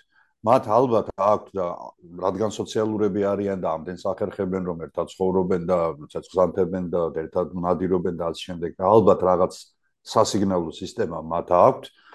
მაგრამ დანაწევრებული საუბარი არ შეუძლიათ. ან მეტყოლება არ უნდა კონდეთ. ხო, მეტყოლება არ უნდა კონდეთ, მაგრამ ალბათ რაღაც ჟესტების ენით, რაღაც თავისებური მე უბრალოდ მუნჯები იქნებოდნენ და გამოთქვამდნენ რაღაცა ზმუილის მაგვარ რაღაცა ხმებს, მაგრამ ალბათ მე დარწმუნებული ვარ, რომ მათი ტვინის მოცულობა იმდენად კარი ესეთი იყო, რომ ესეთი საშუალო აა საშუალო დონის ალბათ მეშვიდე მერვე კლას 8-9 წლის ასაკის ბავშვის დონეზე ალბათ ისინი იაზროვნებდნენ ყოველ შემთხვევაში აი ამ დონის რაც ახლა დღეს თქვა 7-8 წლის ბავშვი თუმცა დღეს უკვე ძალიან ესენი არიან 7-8 წლის ბავშვები ძალიან ძალიან განვითარებულები არიან ხო ალბათ ვერ მიაღწევდა მაგამდე მაგრამ არ არის გამორიცხული ეს თეორიაში შესაძლებელია, მაგრამ როგორ საინტერესოა რა, ეხლა საინტერესოა რა თქმა უნდა. ხო, ძალიან საინტერესოა, ძალიან საინტერესოა. მე რატომღაც იმედი მაქვს, რომ არ ვიცი, ამდენად ეთიკური და ის არის, მაგრამ მოდესმე თუ მისი დნმ-ის სეკვენირება მოხდა, უნდა მეთქვა. შეიძლება რაღაცა. ოდი თამაზე ნოვილაპარაკე ძალიან ტკივნეული თემაა ძალიან ბევრისთვის რატომ ხო მაგრამ იურიული პარკი ხო არის ფილმი დინოზავრებსა და სადაგერა და ეგ უნდა მეკითხა ახლა მე თეორიულად შეგვიძლია ხო ალბათ თეორიულად თუ აღმოჩნდა მისი სრული გენომი აა თუ ვიპოვეთ ჩვენ ისეთი ფრაგმენტი თქვა რომელშიც ძირითად კბილებში ინახება ხოლმე კარგად ერთ ერთ დნმ-ში ხო ფაქტიურად ჩაწერილი არის მთელი ის პროგრამა რომლითაც რა თვალისფერი ქონდა ადამიანს ხელი რამ სიგზე ქონდა და ფხილი საიდან ეძებოდა. ეს ყველაფერი არის აი გენეტიკურ კოდში ეგრეთ წოდებულში კოდირებულა ჩადებული და ამის სეკვენირებას და ამის გაშიფრვა დღეს ძალიან ადვილად ხდება. მთავარია იპოვო აღმოაჩინო აა და კარგად გაშიფრო ეს გენი, ეს გენეტიკური მასალა და დნმ რომელიც წარმოადგენს მთელ იმას, თლიან კოდს ჩვენი ორგანიზმისას და შემდეგ უკვე მოახდინო მისი მისი გაცოცხლება, ასე ვთქვათ და უკვე რაღაცა კლონი კლონის გაკეთება. არ ვიცი, ნახოთ, იმდენად სწრაფად მიდის მეცნიერება წინ, იმდენად ბევრი აღმოჩენები კეთდება და იმდენად ადვილდება ბევრი რამ, რომ არაფერი არ არის გამორიცხული, ასე რომ შეიძლება ჩვენს მომავალ თაობებს ან თქვენს თაობას ყოველ შემთხვევაში მოესწროს ვიღაც შვილად აყვანილი homo erectus-ი ნახოთ. აა აი რა homo erectus-ი ჩვენ რო თქვა შეხვედრო და სადღაც ავტობუსში ამოსული, ჩაცმული, გაპარსული. ნუ ალბათ მივაქცევდით ყურადღებას, მაგრამ მეტი არაფერი. ანუ უკვე ის ორფერზე გამართულად დგას. დარბი ძალიან კარგად არის ფიზიკურად გამძლე, როგორც გითხარით. და ბოდიალა რა, ანუ არ ჩერდება ერთად. დადის, დადის. აი ეგაა ძალიან უცნაური, რატო დადის? ხო, აი დადის, ალბათ ალბათ რესურსებს ეძებს? ალბათ რესურსებს ეძებს, ალბათ ალბათ რაღაც ახალ შეიძლება ისიც არის, საერთოდ ცხოველის და ადამიანისაც ინტელექტი გამოიყადება ყოველთვის ინტერესში. თუ რაღაცით ინტერესდება ის და შემდეგ ეძებს იმ ინტერესს, საინტერესოს ახსნას, ხო? თქვა იგივე ყვავები და ყორნები რატო ითვლებიან და კაჭკაჭები ფრინოლთა სამყაროში ერთ-ერთ ყველაზე ჭკვიანებად და თუთიყუშები. იმიტომ რომ ინტერესიანები არიან. იგივეა თქვა მაიმუნები, მაიმუნები ყველაზე ინტერესიანი ცხოველები ხა ადამიანებსაც ეს განაცხოებს, სხვა იმისგან რომ ძალიან ჩვენ ძალიან დაინტერესებული ინტერესები გვიჩდება და შემდეგ ამ ინტერესების ამოხსნა გვინდა. შეიძლება ესეც იყოს. ანუ ყოველ შემთხვევაში რაღაცა შეუძურათ მათ თვითონში ისეთი ზუზუნი დაეწყოთ, რომ აი ადგნენ და წავიდნენ, იმიტომ რომ მანდამაინც დიდი კლიმატური ცვლილებები აფრიკაში ამ დროს არ ხდება, რომ თქვა ეს ხალხი ადგეს და დაიძრას იქიდან. თან ჯგუფება დიდი ჯგუფებით არიან წასულები, იმიტომ რომ რამხელა ჯგუფებია დაახლოებით, ვიცით ისე? ნუ ალბათ ვარაუდობენ, რომ თქვა 20-25 კაციანი ჯგუფებით ესე პატარ-პატარა იძულებით გადაადგილებული პირებივით მიდიოდნენ რაღაცა შეიძლება უფრო დიდი ჯგუფებით. ეხლა მაგალითად დმანიში აღმოჩენილი თქვა ეს ხუთი თავის ქალა და კიდე ფრაგმენტები ძვლების იმაზე მიუნიშნავთ რომ ერთდროულად არის დაღუპული. ხო ამაზე ცალკე მე დმანიზე ცოტა ცალკე ვილაპარაკებ, მაგრამ აქ აშკარად ჯგუფი ცხოვრობს. ეხლა ოროზმანში აღმოჩნდა კიდე კბილი, არ ვიცი კბილის ბედი როგორ გადაწყდა რაღაც დიდი დიდი ის იყო ხალხვილავები. თუ ჰომერექტუსი. ხო, Homo erectus-ის არის, როგორც ვარ. აა, ხო. ხო, Homo erectus-ია. აა, ნუ იქვია ეს ოროზმანი. იქ კიდე ბევრი რაღაცა გამოჩნდება, ძალიან საინტერესო ადგილი. მე მოგიყვებით, მე რატოა საინტერესო. თუ თუ გვაქვს დრო, თუ არა და მე შეგვიძლია თქვა ორ ნაწილად გავაკეთოთ, როგორც არის რაღაც. თქვენი თქვენი ლიმიტი როგორ არის? ხა ჩვენ რამდენი ხანია რაც ეთერში ვართ? რაც რაც რაც. ალბათ ალბათ შეგვიძლია მაგის არ ვაჩენს. შეგვიძლია საათს ნახევარს ვიყავ. საათი და ხო, მე შეიძლება დამოჭრათ ეს რაღაც. აა რა მაინტერესებს ახლა და აი კი ვთაურობთ ამ ჰორმო ელექტროსზე ძალიან საინტერესო რაღაც ვით რომ ანუ თანაცხოვრებ პერიოდი დაემთხვა რა ჰომო საპიენსთან და ვამბობთ რა ჰომო საპიენსთან ხო აა ანუ გულისხმობ იმას რომ ანუ როცა ბოლო პერიოდში ჰომო ელექტროსი კიდე არსებობდა მაგ დროს უკვე ჰომო საპიენსიც არსებობს მაგას გულისხმობ ანუ დროში დამთხევა რაღაც ტონის მოხდა ხო იქიდან გამომდინარე რომ 300000 წლის წინ თუ ჰომო საპიენს და ეს ბოლო 15000 წინ თუ 115000 წინ ხვდება ბოლო ჰომო ელექტროს, იგი რაღაც პერიოდ დაეთქვა. რა თქმა უნდა, კი. აი ან ჩვენ რა ინფორმაცია გვაქვს სიმხრივან უშუალოდ როგორ ხდება ამის გამოყოფა?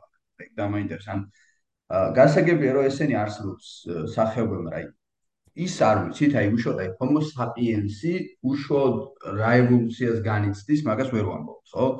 ანუ აი რისგან გამოდის ესე ვთქვათ აი სცენაზე რისგან ამოდის homo sapiens სამასე ხო აი მივალთ მაგამდე მაგრამ უნდა წინასწარ უნდა გითხრათ რომ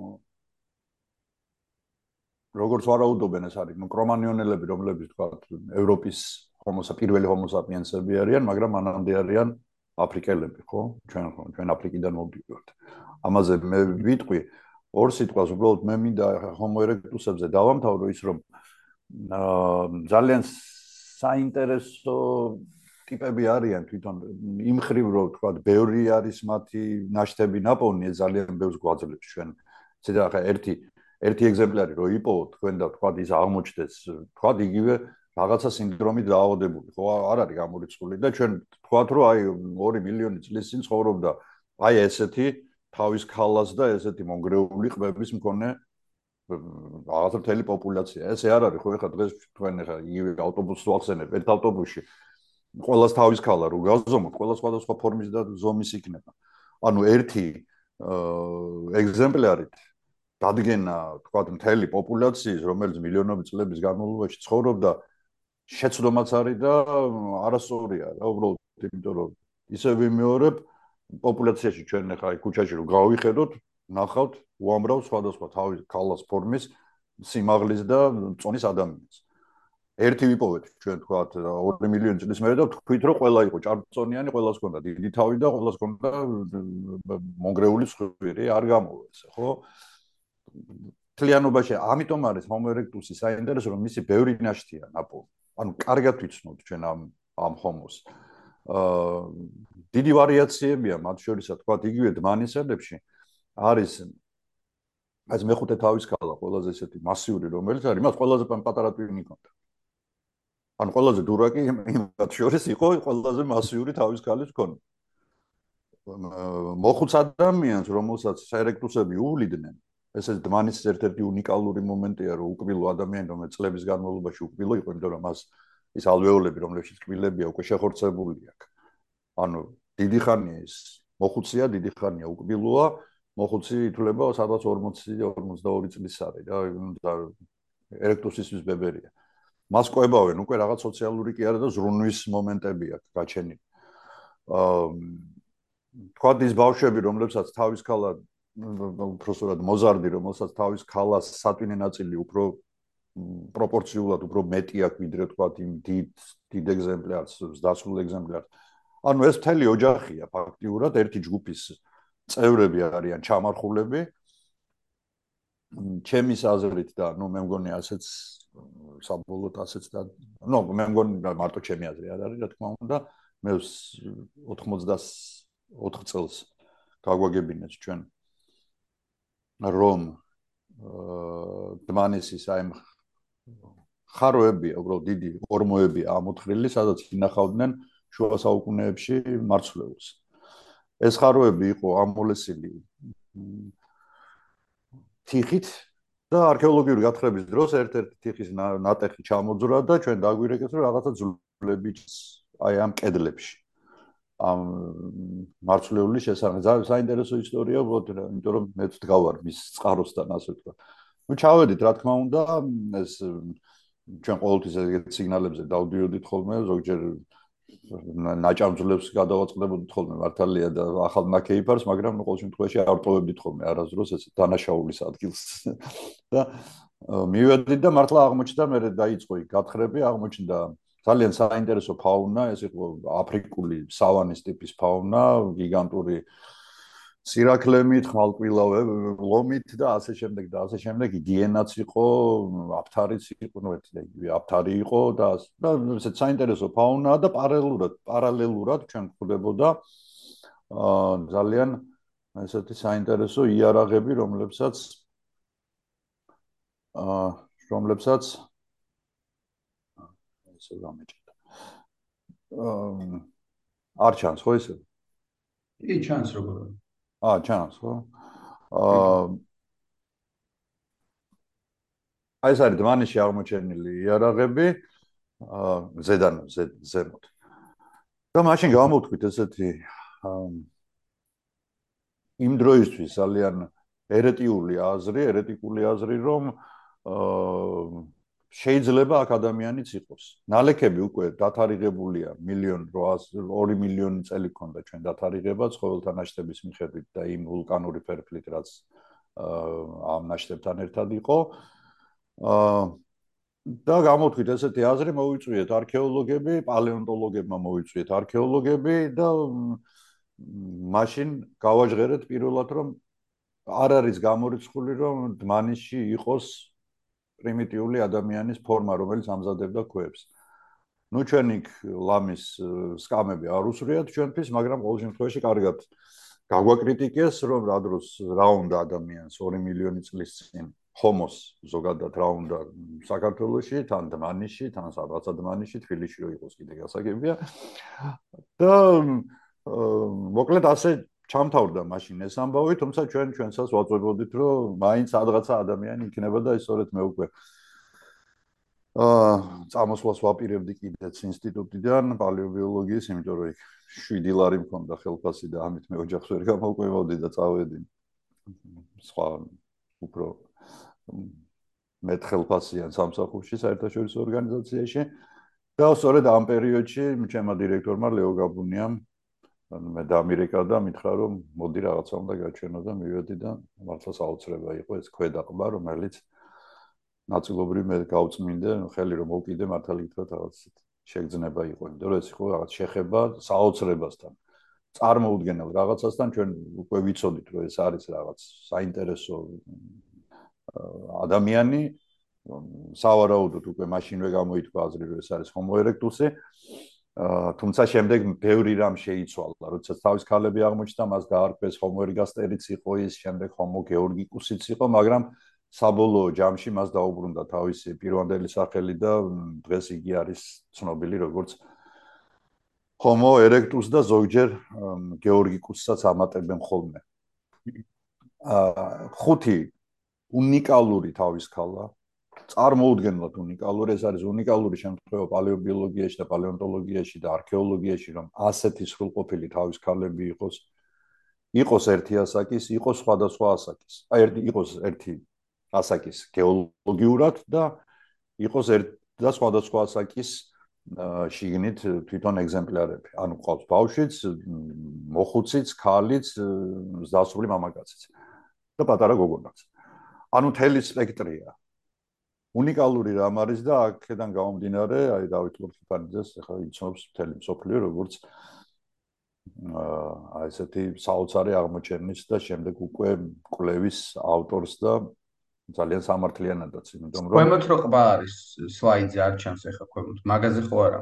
მეც აი ამ ყბაზეა სწორედ საუბარი, დიახ, აი ეს ყბა არის, რომელიც რომელიც ხელში მეჭირა და არ მჯეროდა რომ ნამდვილად ეს არ იყო ყალებიან სადღაც ჩემი დირექტორის მიერ ჩემი გათამაშება. იმიტომ რომ იმდენად წარმოუდგე არა გველოდებოდით ჩვენ რა თქმა უნდა მაგრამ ადამიანის ძლები ძალიან თხელია იგი ძალიან ცუდად ინახება და აი ესეთი ტიპის ყბა თავისი ჩაწიკწიკებული კბილებით თავისი ფოსოებითაც რომელიც კარგად ჩანს აქ.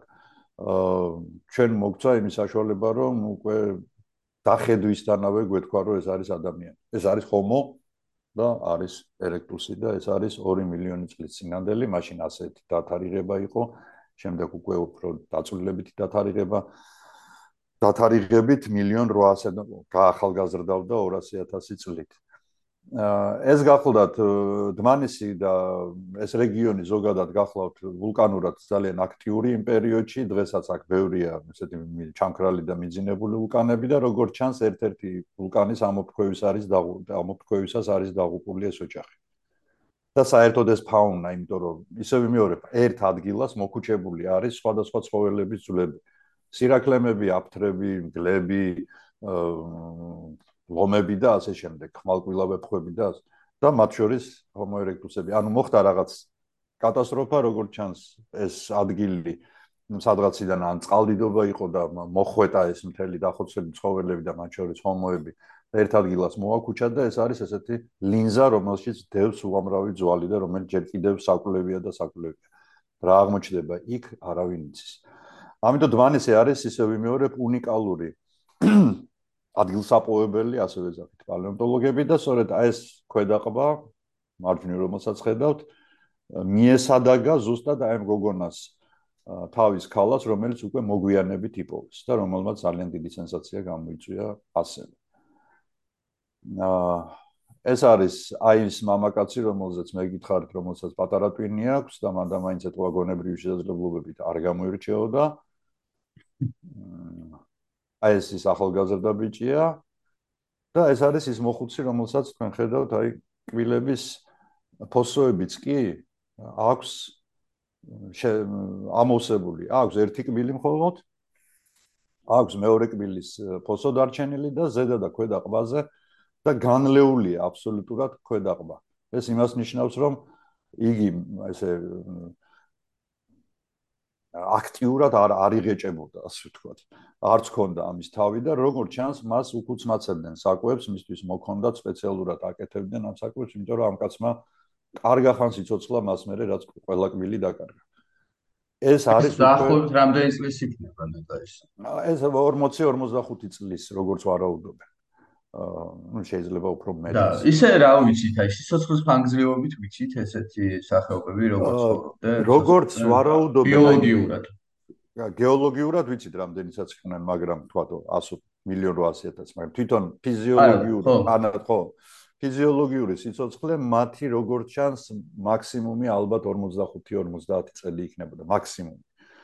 აა უკვე 40 წლის, 40 წლის უკვე საკმაოდ ხანში შესულად ბებრად ითვლებოდა ფაქტიურად, იმიტომ რომ არ იყო მათი სიცოცხლის ხანძრიობა დიდი.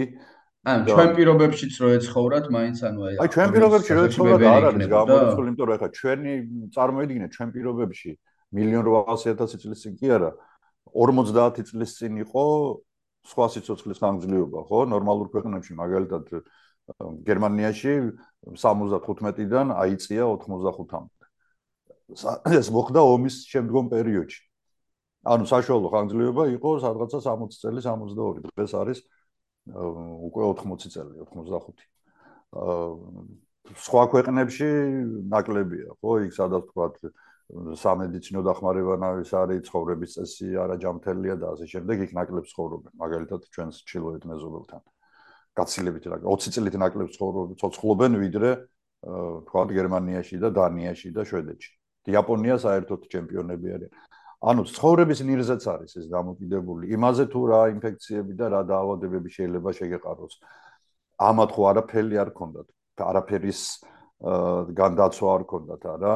თავის იმუნიტეტზე იყვნენ თავიდან ბოლომდე და დამოკიდებული და იმ გარემოზე რომ მაქსიმალურად თავის ჯანმრთელობას გაფრთხილებოდნენ. ესეც მოქმედებდა, რა თქმა უნდა. არასრულყოფილი კვება ყოველთვის არ იყო, თქვა, ხორც ხორცის მოპოვება ადვილი არ არის. იმას უნდა გამოეკიდო, ჩაუსაფრდე, მოკლა, თუ მოკალი და იქეთ თავს არ დაგესხა და არ გაგსრისა და არ შეგჭამა, მადლობა უნდა თქვა. ანუ საკმაოდ რთული ცხოვრება ქონდათ. ფაქტობრივად, მთელი მათი ცხოვრება იყო საჭმლის მოპოვება, თავდაცვა და სექსი. გამრავლება, ანუ ხო, ანუ გამრავლება, თავდაცვა და ჭამა. ახლა აი ესენი არის ხდნენ და თქვათ პრეზენტაციებს არაკეთებდნენ ჩვენსავით, ხო? ეს იყო მთელი მათი არსებობის მიზანი და და შთამომავლობის გაგრძელება, რა თქმა უნდა, რაც ყოველას აქვს ამებადან დაწყებული ადამიანის ჩათვლით. ეს ერთ-ერთი ყველაზე მთავარი სასიცოცხლო мотиваცია, ხო ფაქტიურად. აი ეს გახლავთ იმ აი პატარა თავის აი ხედავთ, ძალიან დიდი სახის ნაწილი აქვს, კარგად ჩანს. აა ძალიან პატარა სახის ნაწილი, დიდი სახის ნაწილი აქვს უпроსორად. აქვს თვალზე და ლილვაკები, აი ეს არის გამორჩეული, რომელიც შემდეგ კიდე გაგვყვება ჩვენ ნეანდერტალელებში და დენისოველებში. აი ეს ნაწილი არის პრიმიტიული, ну, შედარებით პრიმიტიულობის მაჩვენებელი. აი თვალზე და გადმოწეული ესეთი ლილვაკები და საკმაოდ პატარა მოცულობის თავის ტვინი. საკმაოდ მძლავრი ყბები, ეს კარგად იკვებებოდა ალბათ ჭამისგან მეც იმდენად პატარა ტვინი ქონდა რომ ალბათ ჭამის და სექსის მეტი არაფერი არ აინტერესებდა მართლა. და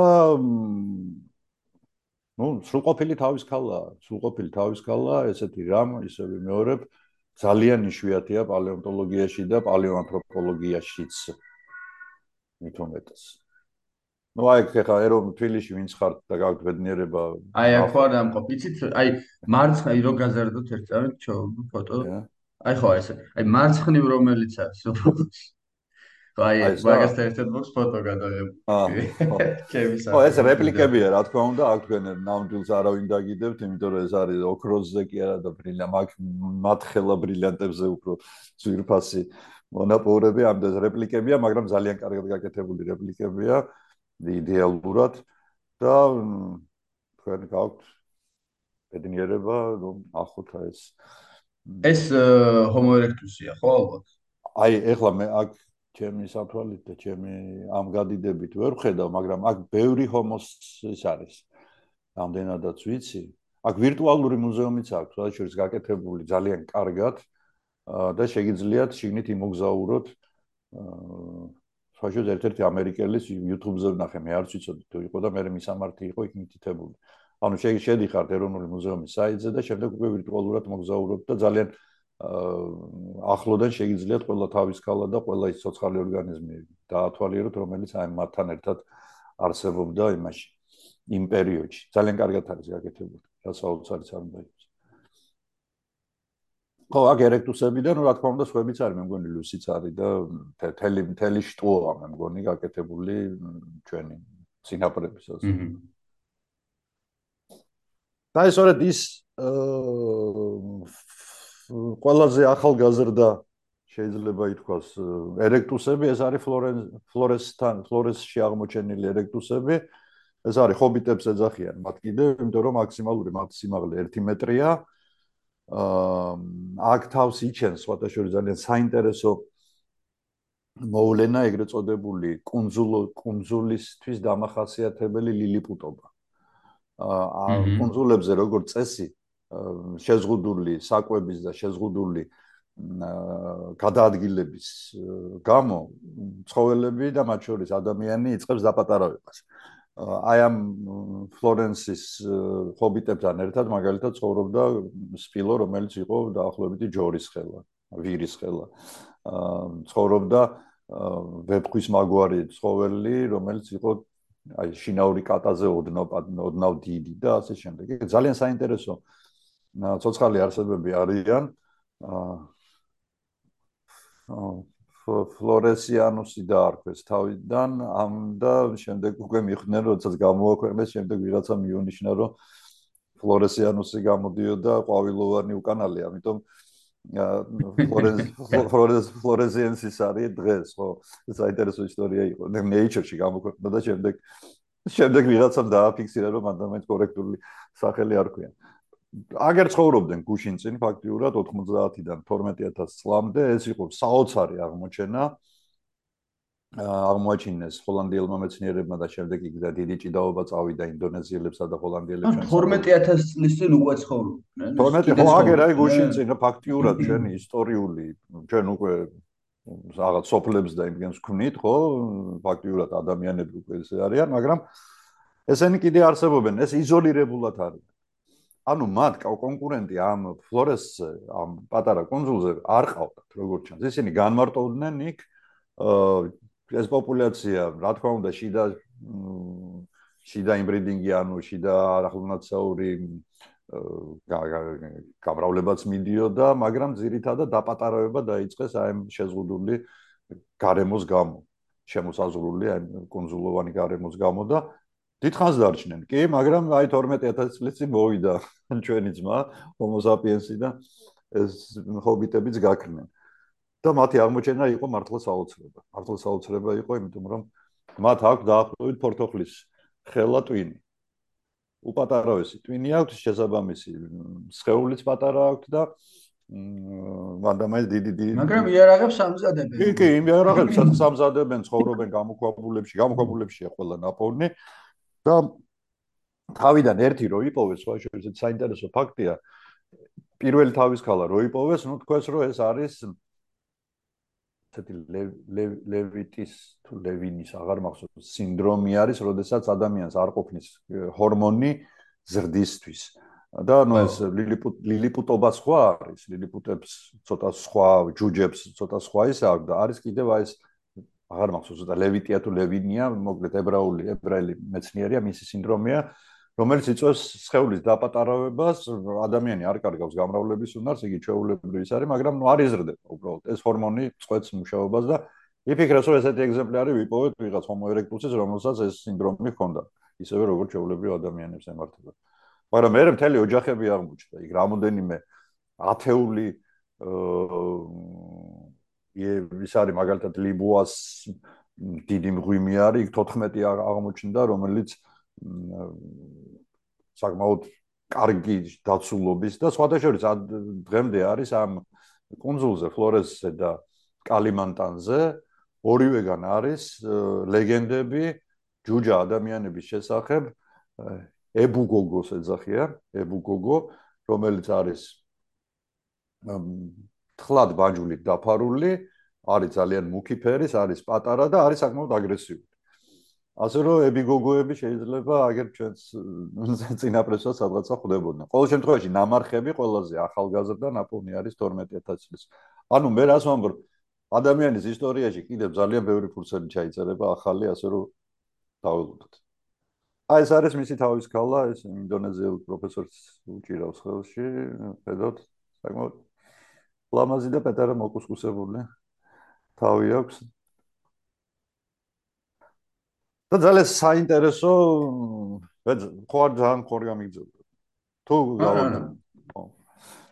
უნიკალური საინტერესო. აი დაახლოებით ალბათ 1-15 წუთში შეგვიძლია ბოლოსკენ გავიდეთ კი. კი კი აუცილებლად. მე უბრალოდ ჰომონალედიზე რო არ მეთქვა არ შემეძლო ეს არ ჩემი ძალიან საყვარელი არსება საყვარელი რატო იმიტომ თვითონ აღმოჩენის ისტორია ძალიან საინტერესო. სამხრეთ აი ესე აფრიკაში მივდივართ.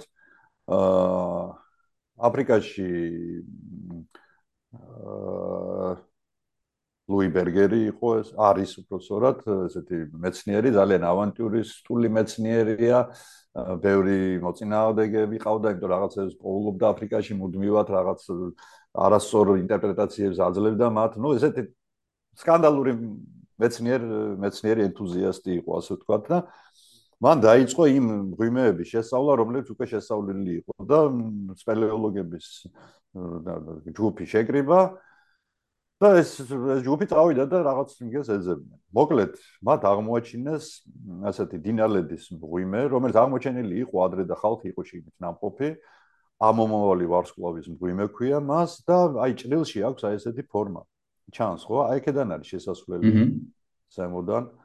შემდეგ ჩადიხართ პირველ კამერაში, რომელიც არის ისე პატარა და შემდეგ არის სუპერმენის აა ლავ გასაძრომი ასე ვთქვათ. იმიტომ რომ ამ სუპერმენის გასაძრომი არის მართლა სუპერმენი უნდა იყოს რომ შიგ გაძრო ეს არის დაახლოებით 20 სანტიმეტრის აა სიმაღლის გასაძრომი ასე ვთქვათ, ხო? ტუნელი. აა ნუ არ არ უნდა გქონდეთ, რა თქმა უნდა, კლაუსტროფობია და არ უნდა გეშინოდეთ, რომ სადღაც გაიჭედები და რა თქმა უნდა, ჭარბწონიანი არ უნდა იყოს.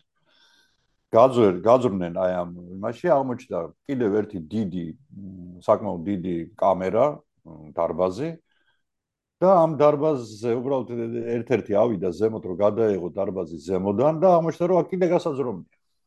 ასეთივე ვიწრო, ცოტა უფრო ნაკლებად ვიწრო, სადღაც 30-40 სანტიმეტრის, უფრო ადვილად რო გავაში ადამიანი და ეს აა გასაძრომი უკვე თავდება აი ესეთი ვერტიკალური 12 მეტრის სიმაღლის და ასევე 40 სანტიმეტრის სიგანის ჭით. 12 მეტრი, წარმოიდგინოთ, ეს არის ხუთსართულიანი სახლის სიმაღლე. არც ისე ცოტაა. აა გარისკეს ამ ორმა ალპინისტმა სპელეოლოგმა უკაცრავა და ჩავიდნენ აი ამ კამერაში. აი ბოლო კამერაში, ეგრეთ წოდებული დინალედის ჩამბერში და აღმოჩნდნენ საოცრებათა ქვეყანაში. პალეონტოლოგისტვის, პალეოანთროპოლოგისტვის. აა თელი ნიადაგი, ანუ თელი იატაკი ამ მღვიმის იყო გავსებული ძვლებით. Ну მათ ფოტოები გადაიღეს, იმიტომ თვითონ პროფესიონალები არ გახლდნენ. იქვე იპოვეს სხვადასხვა ადრე ჩასული ვიღაც პალეონტოლოგები, სპელეოლოგების დატოვებული რაღაც რაღაცები, ესე იგი ამ კამერაში ნამყოფი არის ხალხი, თურმე აღმოჩნდა. ფოტოები გადაიღეს, ამოვიდნენ აჩვენეს ბერგერს და ბერგერმა კინაღამ ინფარქტი მიიღო, იმიტომ რომ ქვედაყბები, ზედაყბები, კბილები, რაღაც იქეძლები ჩანს, აქეძლები ჩანს. ну მოკლედ მან ესეთი კარგი გაგებით ავანტიურისტია ეს ჩვენი ბერგერი და აა შეკრიბა კარგი ფული National Geographic-საც გამოართვა იქ Discovery იქ ვიღაცას ვიღაცას ვიღაცას ну მოკლედ შეკრა ექსპედიცია მიიწვია რატომღაც სულ გოგოები აა მაგრამ პირობა იყო რომ ყოფილიყვნენ გოგოები 60 კილოგრამზე ნაკლები და არ არ ქონოდათ კლაუსტროფობია უკვე მისახვედრია რატო ხო აქ ყველა ვერ გადის თვითონ ბერგერს მოუწია 5 წელი დიეტაზე ჯდომა, რომ თავისი თვალით მე ენახა ეს.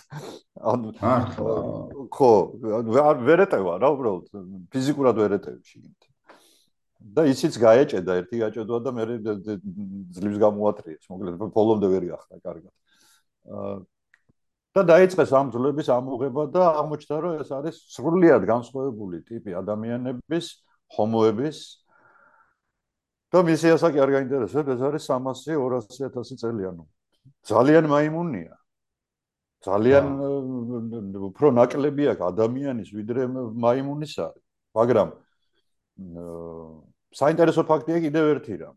აი ამ ღვიმეში არ არის ნაპოვნი არც ერთი მტაცებლის, არც ერთი არ საერთოდ არც ერთი ძვალი არ არის ნაპოვნი სხვა ცხოველის. არც ერთი ძვალი არ არის დაზიანებული. ანუ არ არის მასზე თქვა კბილების ან კლანჭების ან რაღაცების კვალი.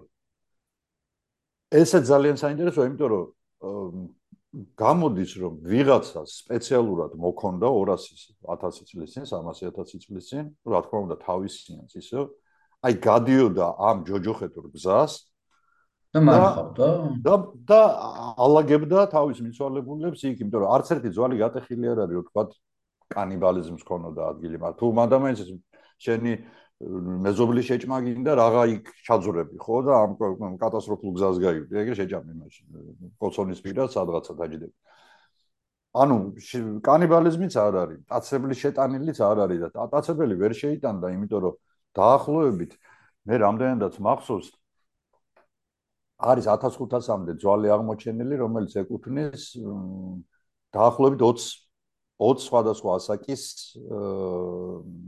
ეგზემპლარს. ანუ ისე ვიმეორებ, აი ეს გზა, რომელიც აი აქ არის ეს რეპროდუქციაზე, ხედავთ აი ეს ნალედები, რომლებიც არც ისე დიდი ფიზიკური აღნაგობით გამოირჩეოდნენ მეტრა 20 მეტრა 30 იყო მათი მაქსიმალური სიმაღლე და დიდი გონებრივი შესაძლებლობებიც არ ქონდათ 60 კუბური სანტიმეტრი ქონდათ ხოლო ტვინი, ანუ სადღაცა ერგასტერების დონეზე. მაგრამ ცხოვრობს ფაქტიურად ეს ის პერიოდია, როდესაც პირველი ადამიანი ჩნდება აფრიკაში, ერგასტერები და ესენი რა ქვია ერექტუსები და ისინი არიან გაჯეჯილებულები, თელსოფლიოს მოდებულები და ეს ნალედები ცხოვრობენ აი ესეთ იზოლირებულად სამხრეთ აფრიკაში და ესეთ საოცრებებს აკეთებენ. ჯერჯერობით რა თქმა უნდა ეს ყველაფერი შესაძლებელია ეს ახალი აღმოჩენა 1900-2015-ში იყო მე მგონი პირველი და ჯერ კიდე ამოაქვთ იქედან ხდება მისი დახარისხება სახეს ვარაუდობენ რომ აი ესეთი ამ ტიპის იყო ხედავთ თქვენ ადამიანი სიმპათიური ბიჭი არ არის მაგრამ ყოველ შემთხვევაში ძალიან საინტერესოდ იქცევა ხმარობს იგიცაც თუ არ ხმარობს არავინ იცის სოციალური სისტემა რა თქმა უნდა ჩამოყალიბებულია თუ აი ამას აკეთებენ და რატომ აკეთებენ? ამას ძალიან საინტერესოა იმიტომ რომ პირველი ვინც ამას აკეთებს ეს არის აა ნეანდერტალელი. ანუ მარხავს თავის გარდაცვლილ თანამოძმეს აა მანამდე არც ერთ ჰომოს მსგავსი რამ მსგავსი ზრუნველობა გარდაცვლილზე არ გამოულენია და აი აქედან უკვე ჩვენ მივდივართ ნეანდერტალელებამდე და შემდეგ ცოტას უკან დავბრუნდები მე. ნეანდერტალელი ეს არის ფაქტიურად ადამიანი, რომელიც ჩვენ გვერდით ცხოვრობდა. აა ის იყო საკმაოდ ტვინიანი, ასე ვთქვათ, მას ჰქონდა ჩვენზე ზოგიერთ ეგზემპლარს იმხელა თავები აქვს, ჩვენზე მეტი ტვინიც ჰქონდათ მათ 50-100 კუბური სანტიმეტრი ზოგიერთს. აა და ნეანდერტალელები ცხოვრობდნენ უკვე ევროპაში. ეს არის სუბთა ევროპული ჯგუფი, ცოცხალი ჩვენი ნათესავების. აა მათი გენომი თითქმის ბოლომდეა გაშიფრული, თეთრი ფერი, ცისფერი თვალები და ასე შემდეგ ჭროღა, ისა ციტური თმა. ჩვენ ჩვენ გვაქვს ფაქტიურად ამ ამ ჯგუფისგან. ჩვენ ჯვარდებოდით მათთან იშვიათ შემთხვევაში ჩვენში არის ნაპოვნი 3-დან 4%-ამდე ნეანდერტალური გენები ზოგიერთს რო ხვდები ხოლმე ცოტა მეტიც აქვს ეს იყო საკმაოდ ну ეხლა რო გააგეპარსა ჩაგეცმა ჩაგეცვია და თქვა ქუჩაში გამოგეშვა და არც არავინ მიაქცევდა ყურადღებას ну დაინახავდით мама მამაკაც ან ქალს რომელიც იყო ოდნავ წელში მოხრილი თავისი კუნთების და აი ძვლების სიმძიმისგან იყო საკმაოდ კარგად აღნა კარგი აღნაგობა ქონდა, მაგრამ ქონდა თვალებს ზემოთ აი ესე ლილვაკები, ასე თქვენ აქ ხედავთ, გადმოშველი, გადმოწეული შუბლი და ფიზიკური შეძლებებით ბევრად ძლიერი ვიდრე. და ფიზიკურად საკმაოდ ძლიერი. კი, იმიტომ რომ აი ძვლებზეც ეთყობათ, მათ საკმაოდ ისეთი მკრივძვალა, მსხვილძვალა ესენი არიან ადამიანები და ამ სახეობას რო ეარსება დღეს ალბათ სპორტში მარტო ესენი იქნებოდნენ ყველაფერში არა? და ზოგიერთ სპორტსმენს რო უყურებ ეხა განსაკუთრებით ერთი რუსეთის დუმაში როზის ნუ კლასიკური ნეანდერტალელი უბრალოდ სიმაღლე არ უწყობს ხელს აი ვიცი თქვენ ალბათ ხო? ეს დიდი დიდია სიმაღლით ნეანდერტალელი არ არის დიდი. ამაშია საქმე რომ დიდი არ არის. აა შედარებით დაბალია ტანმორჩილია მაგრამ რასაც აი ამბობ როგორც ამბობენ ჩაფსხვნილია რა ესეთ ჯერ ჩაჯირყულია და აი იმას მუხის კარებს თავით გაიტანსო. არა დაახლოებით ეგეთები არიან რა. მაგრამ უკვე ნუ ფაქტიურად ესენი ადამიანები არიან ყველაფრით. ცეცხლის მოპოვებაზე ლაპარაკი ზედმეტია იარაღები უნატიფესი იარაღებს ამზადებენ ამაზეც საუბარი ზედმეტია. ხელოვნებაც აქვს როგორც ხატა ხელოვნებაც ეხლა აღმოჩნდა ეხლა აღმოჩნდა რომ აქამდე არ იყო უფრო ვთქვათ კრომანიონელების და საპიენსების ხელოვნება იყო ცნობილი, მაგრამ ეხა აღმოჩნდა რომ აქვს ხელოვნებაც. მარხავენ თავის მაგალითად შანიდარის გვიმეში, ეს ერაყში გახლავთ, მარხავენ და ყვავილებსაც ატანენ. ანუ ყვავილებს ნახდებიან ხო, შანიდარში. აა სადღაც მაგალითად, ნუ ესე მაგალითად საქართველოში ერთ-ერთ ღვიმეში ნაპოვნი არის მათ მიერ ღვიმის დათვების თავის ქალების ყველაზე შორეულ კუთხეში თავის ქალები არის დაალაგებული ესეთ ოთ ოთ კუთხედად ანუ რაღაცა როგორც ალტარი როგორ აი საკურთხეველივით აქვს თითქოს გაკეთებული. ანუ რაღაც უკვე აბსტრაქტული აზროვნებაც აქვს ანუ ისინი ფიქრობენ რომ სიკვდილის შემდეგ რაღაცა არსებობს რომ რაღაცა ზეც რაღაცა სხვა ძალებიც არსებობენ მათ გვერდით, რომლებსაც ისინი ვერ ამჩნევენ, მაგრამ მათ გამოვლინებას ხედავენ. ეხლა ფაქტია რა, ეხლა შეხედავ და თქვა სიზარტყელა გამოისახა, ანუ თვარი ამოდის და პატარავდება და დიდდება. ეს საოცრებაა მათთვის, ხო, ყველაფერი ახლა თან აინტერესებთ. ახლა ზემოთ შეიძლება Homo erectus საერთოდ არ იყურებოდა.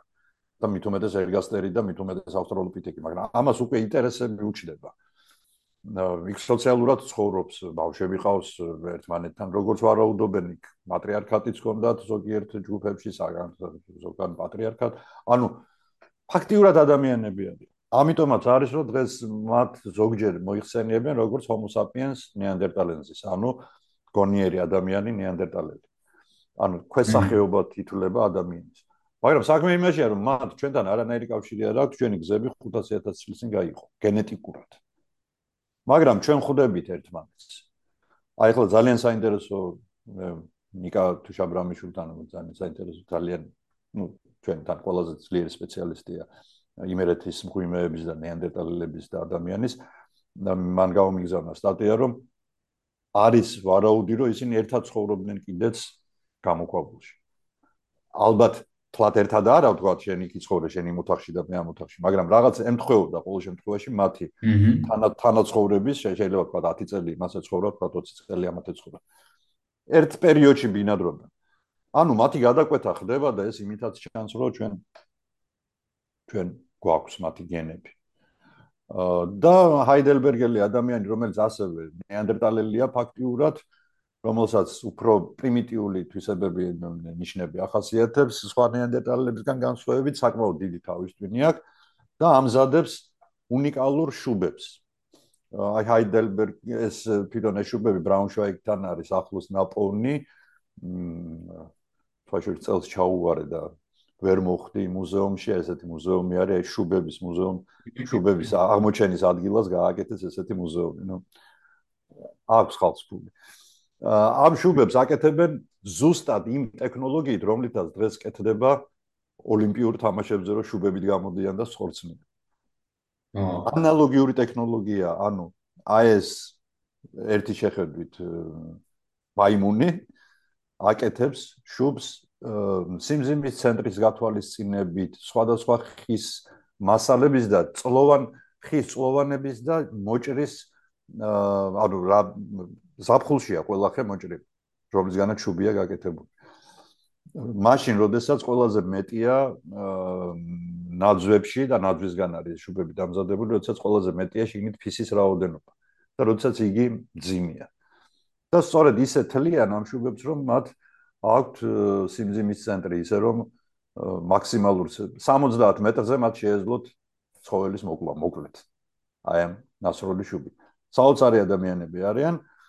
მაგრამ ნუ აი ჰაიდელბერგელია რა იგივე ნეანდერტალელის როგორც ვარაუდობენ განაყოფია. და უკან დაუბრუნდნენ ნუ ეს ნეანდერტალელი გამბერიო არსიებია რა თქმა უნდა გადაშენებულიყო ნეანდერტალელი საბოლოოდ მაინც რას ფიქრობთ? თქვენ თავარი მიზეზი რა არის ამის ხო გადადა ვერ გადარჩა.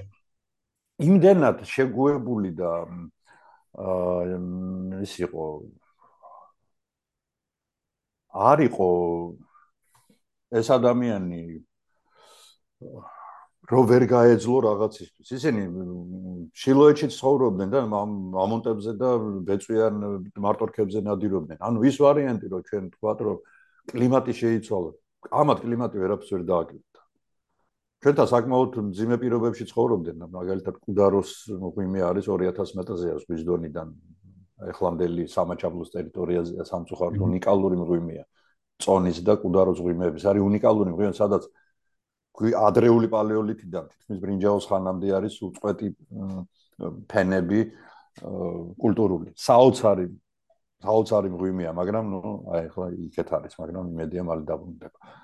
აა ის რომ თქვათ რაღაცა კორონავირუსი გაეწყვიტა, ასეთი მსგავსიც არ იქნებოდა, იმიტომ რომ იზოლირებული ჯგუფები ცხოვრობდნენ და მთელ სოფლიოს იყვნენ მოდებული ფაქტიურად ევროპას და აზიას.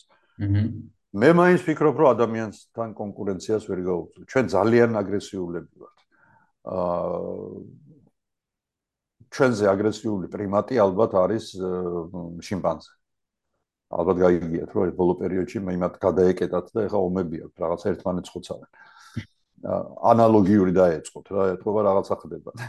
არ ვიცი ევოლუციაში თუ სადღაცა კოსმოსში ძალიან აგრესიულები ვართ. ჩვენ კი ვეჯვარებოდ შეიძლება პატაცებდით მათ არ ვიცი ქალებს არ ქალები პატაცებდნენ ქალები პატაცებდნენ მამაკაცებს ყოველ შემთხვევაში კი ვეჯვარებოდ მაგრამ არ არის იმ ხელა პროცენტი ჩვენში მათ მათი გენების ანუ ახლოს ვართ რადგან ვეჯვარებთ ესე იგი და ნაყოფიერში თავმობლოვას ვიძლევით ესე იგი ფაქტიურად არაფერი განსხვავება ჩვენ შეხეს არის სახეობებს შორის განსხვავება ერთ-ერთი ყველაზე მთავარი და მიჯნა სახეობებს შორის არის ის რომ მათ შეუძლიათ ناقოფიერი მათ არ შეუძლიათ ناقოფიერი შთამომავლობის მოცემა, მაგრამ ცხენი და ჯორი ვირი ჯვარდება, მაგრამ ჯორს არ შეუძლია გამრავლება. ამათ კი შეეძლოთ ესე გენეტიკური აპარატი იყო ფაქტიურად ერთნაირი. ნუ დენის ოვერლებზე ცალკე ორი სიტყვით ვიტყვი. მე მაინც გონია რომ ჩვენთან კონკურენციას ვერ გავუწყვეს. ჩვენ აგრესიულებიც ვართ, პარალელურად ჩვენ ცოტა უფრო როგორც ჩანს უფრო მეტი ინტელექტი გქონდა. და ამ ინტელექტითაც დავჯაბნეთ და ნუ რაღაცა ისეთი იარაღებიც გამოვიგონეთ, რომლითაც უფრო ადვილად კლავდით მათ და რა თქმა უნდა, რაში მჭირდებოდა ჩვენ კონკურენტი, ხო, პრინციპში. არ მჭირდებოდა. ნუ თუ გამსაზღვრავთ ჩვენი ჩვენი მერკანტილური იმიდან გამომდინარე, არ მჭირდებოდა. იყო ვიღაცა ფანჯულიანი კაცი, დაბოდიელოდნენ თავებში და ჯერ 10 მინდა ეხა ეს ეს კიდე შემეცილოს ის და ცოტა მაქვს საჭმელი და კიდე ეს ვიღაცა თავისი ბანჯულიანი ცოლით მიჭამს მე აქ საჭმელი. ალბათ ალბათ ეს ასე იყო. აი ეს ალბათ გამოჩდება ნამდვილად. ალბათ გამოჩდება. აი ეს დენისოველი მაგალითად დენისოველი არის უნიკუმი აბსოლუტური, იმიტომ რომ მისი ასევე არის მათი გენები ჩვენში როგორც ვიცი. ხო, არის რა თქმა უნდა. თემში ცხოვრები ადამიანები. დიახ და განსაკუთრებით ჩილო ეს აღმოსავლეთ აზიაში და აზია. აზიაში. ეს არის წარმოიდგინეთ ნეკა თითის ერთი ფალანგის ნატეხია ნაპოვნი იპოვეს თავიდან მაგრამ ამ ნეკა თითში აღმოჩნდა უძვირფასესი ოქროზე და ბრილიანტზე უფრო ძვირფასი რამ კარგად შენახული დნმ რომელიც ლაიფციგის უნივერსიტეტში გაიშიფრა და დადგინდა რომ ეს კერძოდ ეს ეგზემპლარი არის დენისოველი მამის და ნეანდერტალელი დედის შვილი ესეთი საყვარელი გოგოა. პატარა მცირე ასაკშია გარდაცვლილი სადაც 12-13 წლის ასაკში. და დენისოველები არიან. კიდევ ერთი ჯგუფი ადამიანების რომლებიც ჩვენთან ძალიან ახლოს არიან და აი ყველაზე მეტი დენისოველის აა გენები არის აი ამ პაპუანო ახალ გვინეის მოსახლეობაში და არის საერთოდ აი ინდონეზიის ქვემოთა კუნძულებს. რა თქმა უნდა, ჩვენთანაც ეს ძირითადად არის ურალს იქეთ, ანუ აზიის მხარის მხარეს ცხოვრობდნენ დენისოველები, ევროპაში ცნობილი არ არიან. ცხოვრობდნენ ისინი დაახლოებით იმავე პერიოდში, რაც ნეანდერტალელები და გაქრნენ იმავე პერიოდში, რაც ნეანდერტალელები. ანუ 40000 წლის. ახლა რა შეეხება რაოდენობას, დენისოველების რაოდენობა ჯერჯერობით არ არის ცნობილი, ჯერ ისინი ისინი ახლა ნაპოვნი არის, რა თქმა უნდა, სხვა დენისოვის გარდა, სხვა მაშინ სხვა შორის ძალიან ეკოლოგიურად საკმაოდ მოქნილები არიან, იმიტომ რომ ისინი ცხოვრობენ ზღვის ნაპირებზეც, აი ინდონეზიის ტერიტორიაზე.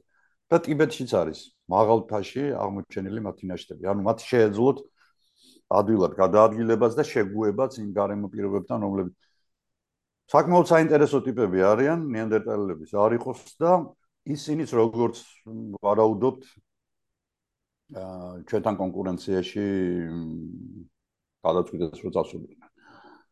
აა ვერ ვერ გაუწდეს ჩვენთან კონკურენციას და ეს საკმაოდ ესეთი დავით ჩემთვის ესეთი სევდიანი ისტორია, იმიტომ რომ მაინც საინტერესო იქნებოდა მათთან ერთად თანაცხოვრება ალბათ რაღაც ეტაპზე. თვითონ ადამიანებს რაც შეეხება, ეხლა ჩვენ საკმაოდ ძიმე პერიოდი გამოვიარეთ 74 მილიონი წლის წინ მოგეხსენებათ ისევ ინდონეზიაში. ინდონეზიას ზოგადად ძალიან საინტერესო ტერიტორია, საოცრად ეს თავისი კონსულებით და ამხელ არქიპელაგი. მოხდა ტობას ვულკანის, სუპერვულკანის ამოფრქვევა მოგეხსენებათ. ეს იყო გრანდიოზული თუ კი რამე ამოფრქვევა ყოფილა ისტორიის მანძილზე ეს იყო ყველაზე გრანდიოზული ამოფრქვევა იქ რა მილიონობით კუბომეტრი ტვერი ავიდა ჰაერში და მიწისძვრები და მოკლედ ეს იყო მეორედ მოსვლა ნამდვილი და შეიცვალა რამოდენიმე წლით საკმაოდ კლიმატი და ამან კინაღამ წერტილი დაუსვა ჩვენს არსებობას. როგორც ამბობ 74 მილიონი თუ 74000 1000 მილიონი თქვი. ხო არა რა მილიონი კიდევ და გამქვი 1000 რა თქმა უნდა. ეძახიან ესეთი ბოთლის გენეტიკური ბოთლის ყელს ეძახიან იმიტომ რომ აი ესე თითქოს აი წერილ ყელში გაძვრა ადამიანი სულ როგორც ვარაუდობენ დარჩენილი იყო 10000 წვილი ანუ ანუ მილიონი ბევრნი იყვნენ ადამიანები. ზოგიერთი ამბობს, რომ საერთოდ 1000 წვილი იყო მთელ დედამიწაზე დარჩენილიო. ჩვენ აფრიკიდან ვართ, წარმოშობილი. ეს უშუალოდ homo sapiens-ი? ეს უკვე homo sapiens-ია საუბარი, ხო. როგორც ჩანს, ამან რა თქმა უნდა ეს იმოქმედებდა ნეანდერტალებზე და დენისოველებზეც, რომლებიც ჩვენ სპარალელურად ცხოვრობდნენ. მაგრამ ყველაზე მეტი დარტყმა მიაყენა როგორც ჩანს ადამიანს და ეს ჩანს აი გენეტ გენეტიკამ საოცარი საოცარი საქმე გაუწია ზოგადად პალეონტოლოგიას და ადამიანის ისტორიას მათ შორის სწორედ გენეტიკური ანალიზებით არის დადგენილი რომ ჩვენ ვართ დაახლოებით 5-6000 ადამიანის წვილის შთამომავლები რომლებიც სწორედ 70000 წლის წინ გადაურჩნენ რაღაცა მანქანებით, რაღაცა გამძლეობით აი ამ ეკოლოგიურ კატასტროფას. ну ჩვენ რო აფრიკიდან მოვდივართ ეს უკვე ცნობილია და ეს არის მიტოქონდრია და ძალიან შორს აგვიყვანს ახლა და გაგვიძელდება საუბარი თუ რატომ მიტოქონდრიალური ევა და რატომ 300 300 წელი თქვათ აფრიკის ამა და ამ წერტილიდან და რატომ Y ქრომოსომიანი ადამი ანუ ჩვენი პირდაპირი შობლები ასე ვთქვათ ეს პირდაპირ გაგებით არა რა თქმა უნდა ხო? ეს კიდე ცალკე თემა ადამიანის თავგადასავალი ასე ვთქვათ ამით არ მთავრდება. და მე მგონი ჩვენ უბრალოდ ჯერ კიდევ დასაწყისში ვართ იმ აღმოჩენების რომლებიც პრო საინტერესოს გახდიან ამ თავგადასავალს იმიტომ რომ ექსპედიციები უკვე ძალიან ინტენსიურად ეწყობა სხვადასხვა ის ადგილებში რომელიც ადრე მიუვალი ან უკვე აღმოჩენილი იყო. ჯერთი კოლექციებშია უამრავი ძვალი რომელიც ჯერ კიდე შეუსავლელია იქ შეიძლება ბევრი რამ აღმოჩნდეს. რა თქმა უნდა, აგერ დმანიში მე ველოდები რომ რაღაცა კიდევ ბევრი საინტერესო აღმოჩნდება. აფრიკა რა თქმა უნდა მოგცემს ისევ ძალიან ბევრ მასალას. ინდონეზია მოგცემს, ალბათ ამერიკაც მოგცემს რაღაცა პატარა წულ შეიტანს. ყოველ შემთხვევაში იმ განსახლებაში აზიელი ჰომოების ასე რომ ყველაფერი წინ არის, ყველაფერი ძალიან საინტერესოა და ვადევნოთ თვალი. მე მგონი ძალიან საინტერესო მოგზაურობის მომსწრეები გავხდები. ვისაც გვაინტერესებს რა თქმა უნდა და არ ვთვლით რომ ერთ დღეში მოხდა ყველაფერი. ო, ერთ დღეში და რამდენიმე ათას წლის წინ, ხო, რაღაც. ხო, 5 თუ 10. და 6 წლის. 10. ანუ ესე homo sapiens, ხო. homo sapiens ამბავზე, ან თავიდან რეალურად ამან სამ ჩვენ მოსახელობას, უშუალოდ ჩვენ მოსახელობას ძალიან დიდხნიანი გზა გაიარა რა. და აი დაწყებული მით მაგალითად თავიდან როგორც ვიცი შევა ცეცხლის გამოყენებას არც ვიცოდით ხო ალბათ რაღაც ეტაპზე ვსწავლობთ ალბათ. და ხო ალბათ ალბათ ხო.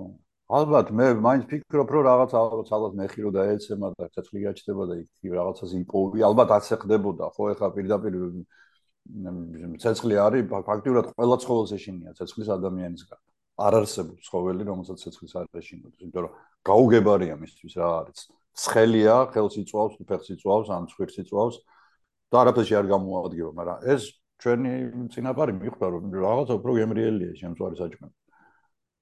ეს თან მათბობს, აგერ ვაცივ და ეხა ამის გვერდზე დავჯი. თან არ მკლავს რა, ამთია რა თავისთვის. რა იმა იმას იმდან ინტელექტი თქვა, ლომს არ ყოფნის, რომ ის არ შეეშინდეს, მაგრამ ადამიანს უკვე ეხო, ანუ ყოველ შემთხვევაში ჰომოებს ეხოთ, ხო, ერექტუს. მათბობს ეს ლომი აღარ მეკარება და ახლოს დადებული საჭმელი უფრო გემრიელია. პროდვილი მოსანელები. ხო, თან სხვა სხვებს ეშინიათ ეს მნიშვნელოვანი. ხო, პირველ ეს ძალიან დიდი მნიშვნელობა, თავდაცვა ძალიან დიდი მნიშვნელობა. და მე ალბათ უკვე ადამიანებმაც აი ადამიანის პირდაპირ აი პირდაპირ თქვათ, აი სადღაციდან ხონდა წამოვიდეს, არა? აი ეს არ არ ვიცი ჯერ. ჩვენ homo sapiens-ებზე საუბარი. ეს რაღაც ჩდებით. ნუ ჩდებით კი ცენტრალურ აფრიკაში ეს გასაგები. მაგრამ რაღაცა წინაპირობა არსებობს, ხო? აი იმ წინაპირობაა საფრთხელი, ჯერ არ ვიცით. ჩვენი პირდა ჩვენ ხო ნეანდერტალელები არაფერს შუაში არ არიან ჩვენთან. ჩვენთან გვერდზე მაცხოვრებელი კიდევ ერთი ადამიანია. ანუ ჩვენ ნეანდერტალებიდან არ მოვდივართ, როგორც ზოგიერთ წარმოუდგენელი. არც დენისოველებიდან არ მოვდივართ. ჩვენ ვართ ეს სამი შტო. ნეანდერტალები, დენისოველები, ჰომო საპიენსები. რომლებიც ერთმანეთთან კავშირში არიან ხოლმე და ხოლმე 9 მილიონი წლის წინ გენეტიკურად და სხვა მხრივ. თორე მე ისინი გაყოფილები არიან და სულიად სხვა სხვა შტოები. აი ესენი არის საპოვნელი. რა ძალიან რთულია და რა ძალიან საინტერესოა. შესაძლებელია ის მაგის და რა ვეცებოთ. იმიტომ რომ 300.000 იყო 240.000 წლის მიწება დღევანდელი მონაცემებით. холод მონაცემებით იწება 220.000 წლისინ ამიტოქონდრიალური ევაქტი. ხო? და Y ქრომოსომის ადამი, მაგრამ ისინი აი უკვე შეუძლიათ გვეკამათონ რომ აი ისინი უკვე შექმნა ვიღაცა. არა ისინიც სადღაციდან არიან მოსულები ვიღაცის შტოები არიან მაგრამ ის შტო მოსაძებნია ესე როგორც ჩვენ ახლა ნალედი არ ვიცოდით გუშინცით მაგალითად ხო დღეს უკვე ვიცით რომ ტიპი ცხოვრობდა ჩვენ გვერდზე აბსოლუტურად ჰომო მაგრამ რაღაცა წარმოუდგენელი. ეგერ ის ავსტრალოპითექინი ნეანდერტალები მაგალითად ახლა მე-18 საუკუნეში არავინ არ იცოდა ვინ იყო. დღეს აღმოჩნდა რომ ეს ხალხია რომელიც ჩვენ გვერდზე ცხოვრობდა და ჩვენივრად ცხოვრობდა გადასარევად ერთობოდა. იგივე თქვა ჰაიდელბერგი აი ესეთი რაღაცა უნდა აღმოჩნდეს, აი ესეთი რაღაცა უნდა გამოჩნდეს. მე მაინც მაქვს გენეტიკოსების იმედი. გენეტიკოსები თუ თქვა არტეფაქტები, აი ესეთი ხელშესახები არტეფაქტები არ აღმოჩნდა, გენეტიკურ გენეტიკა გვეტყვის ჩვენ ახალი მეთოდები ალბათ სად სად უნდა ჩაუძურეთ, რომელ წლებში რო ჩვენ ჩვენი შორეულ ნამდვილი წინაპარი ვიპოვოთ. ჩვენ ახლა მხოლოდ გარემიძაშვილებს ვსწავლობთ. არა, როგორც ყოველ მიმართულებაში მეცნიერებაში რაღაც პროცესში ვართ, მაგრამ არც ერთ მიმართულებით არ არის რომ ვთქვათ რომ სადღაც მივედით და იმის იქით აღარ არის ხო? არა მისვლით ვერაზროს ვერ მივალთ რაც მეტი აღმოჩნდება უფრო მეტი კითხვა გაჩნდება მაგრამ ეს არის მეცნიერების кайფი ასე ვთქვათ. და ნუ სამყაროც ხო ეგ არის რეალურად. მასშტაბებზე რომ ისაუბრო ხო რა ხელს სამყაროა და ამიტომ აი ეს დაიმოვლეს ხო ესე. ადამიანი რომელსაც ერთი თქვა არაკმაყოფილებს ყოველთვის რაღაცას ეძებს და ამით ამი გამოვირჩევთ ჩვენ სხვა იმიდან ალბათ. ამიტომ ამიტომ არ ქსიამონეს ვანდა მაინც რომ ერთ დღეს ვარ გაკეთებ მე ყოველ შემთხვევაში არ მე მიჩვენია გზელი გზა კონდეს გავრდილი ისტორიაში ჩვენს გენეტიკას. აა ო ნუ ერთ დღეში მარტო ჩვენ ხო არ ვართ მაგად მოსახედე მთელი სამყარო. ერთ დღეში. ხო მთელი სამყარო იქო საერთოდ იგი ბაქტერიებიდან მოყოლებული წვანე ევგლენათი დამთავრებული ყველაფერი გაკეთებული. მიკროსკოპის ქვეშ. ხო ნუ ეხლა. ძალიან დიდი მადლობა. ძალიან დიდი მადლობა. არაფერს ხო თქვენ საუბარი მადლობა მსმენელსაც რომ გვისმინა და რა ვიცი რომ დაგიწყდებით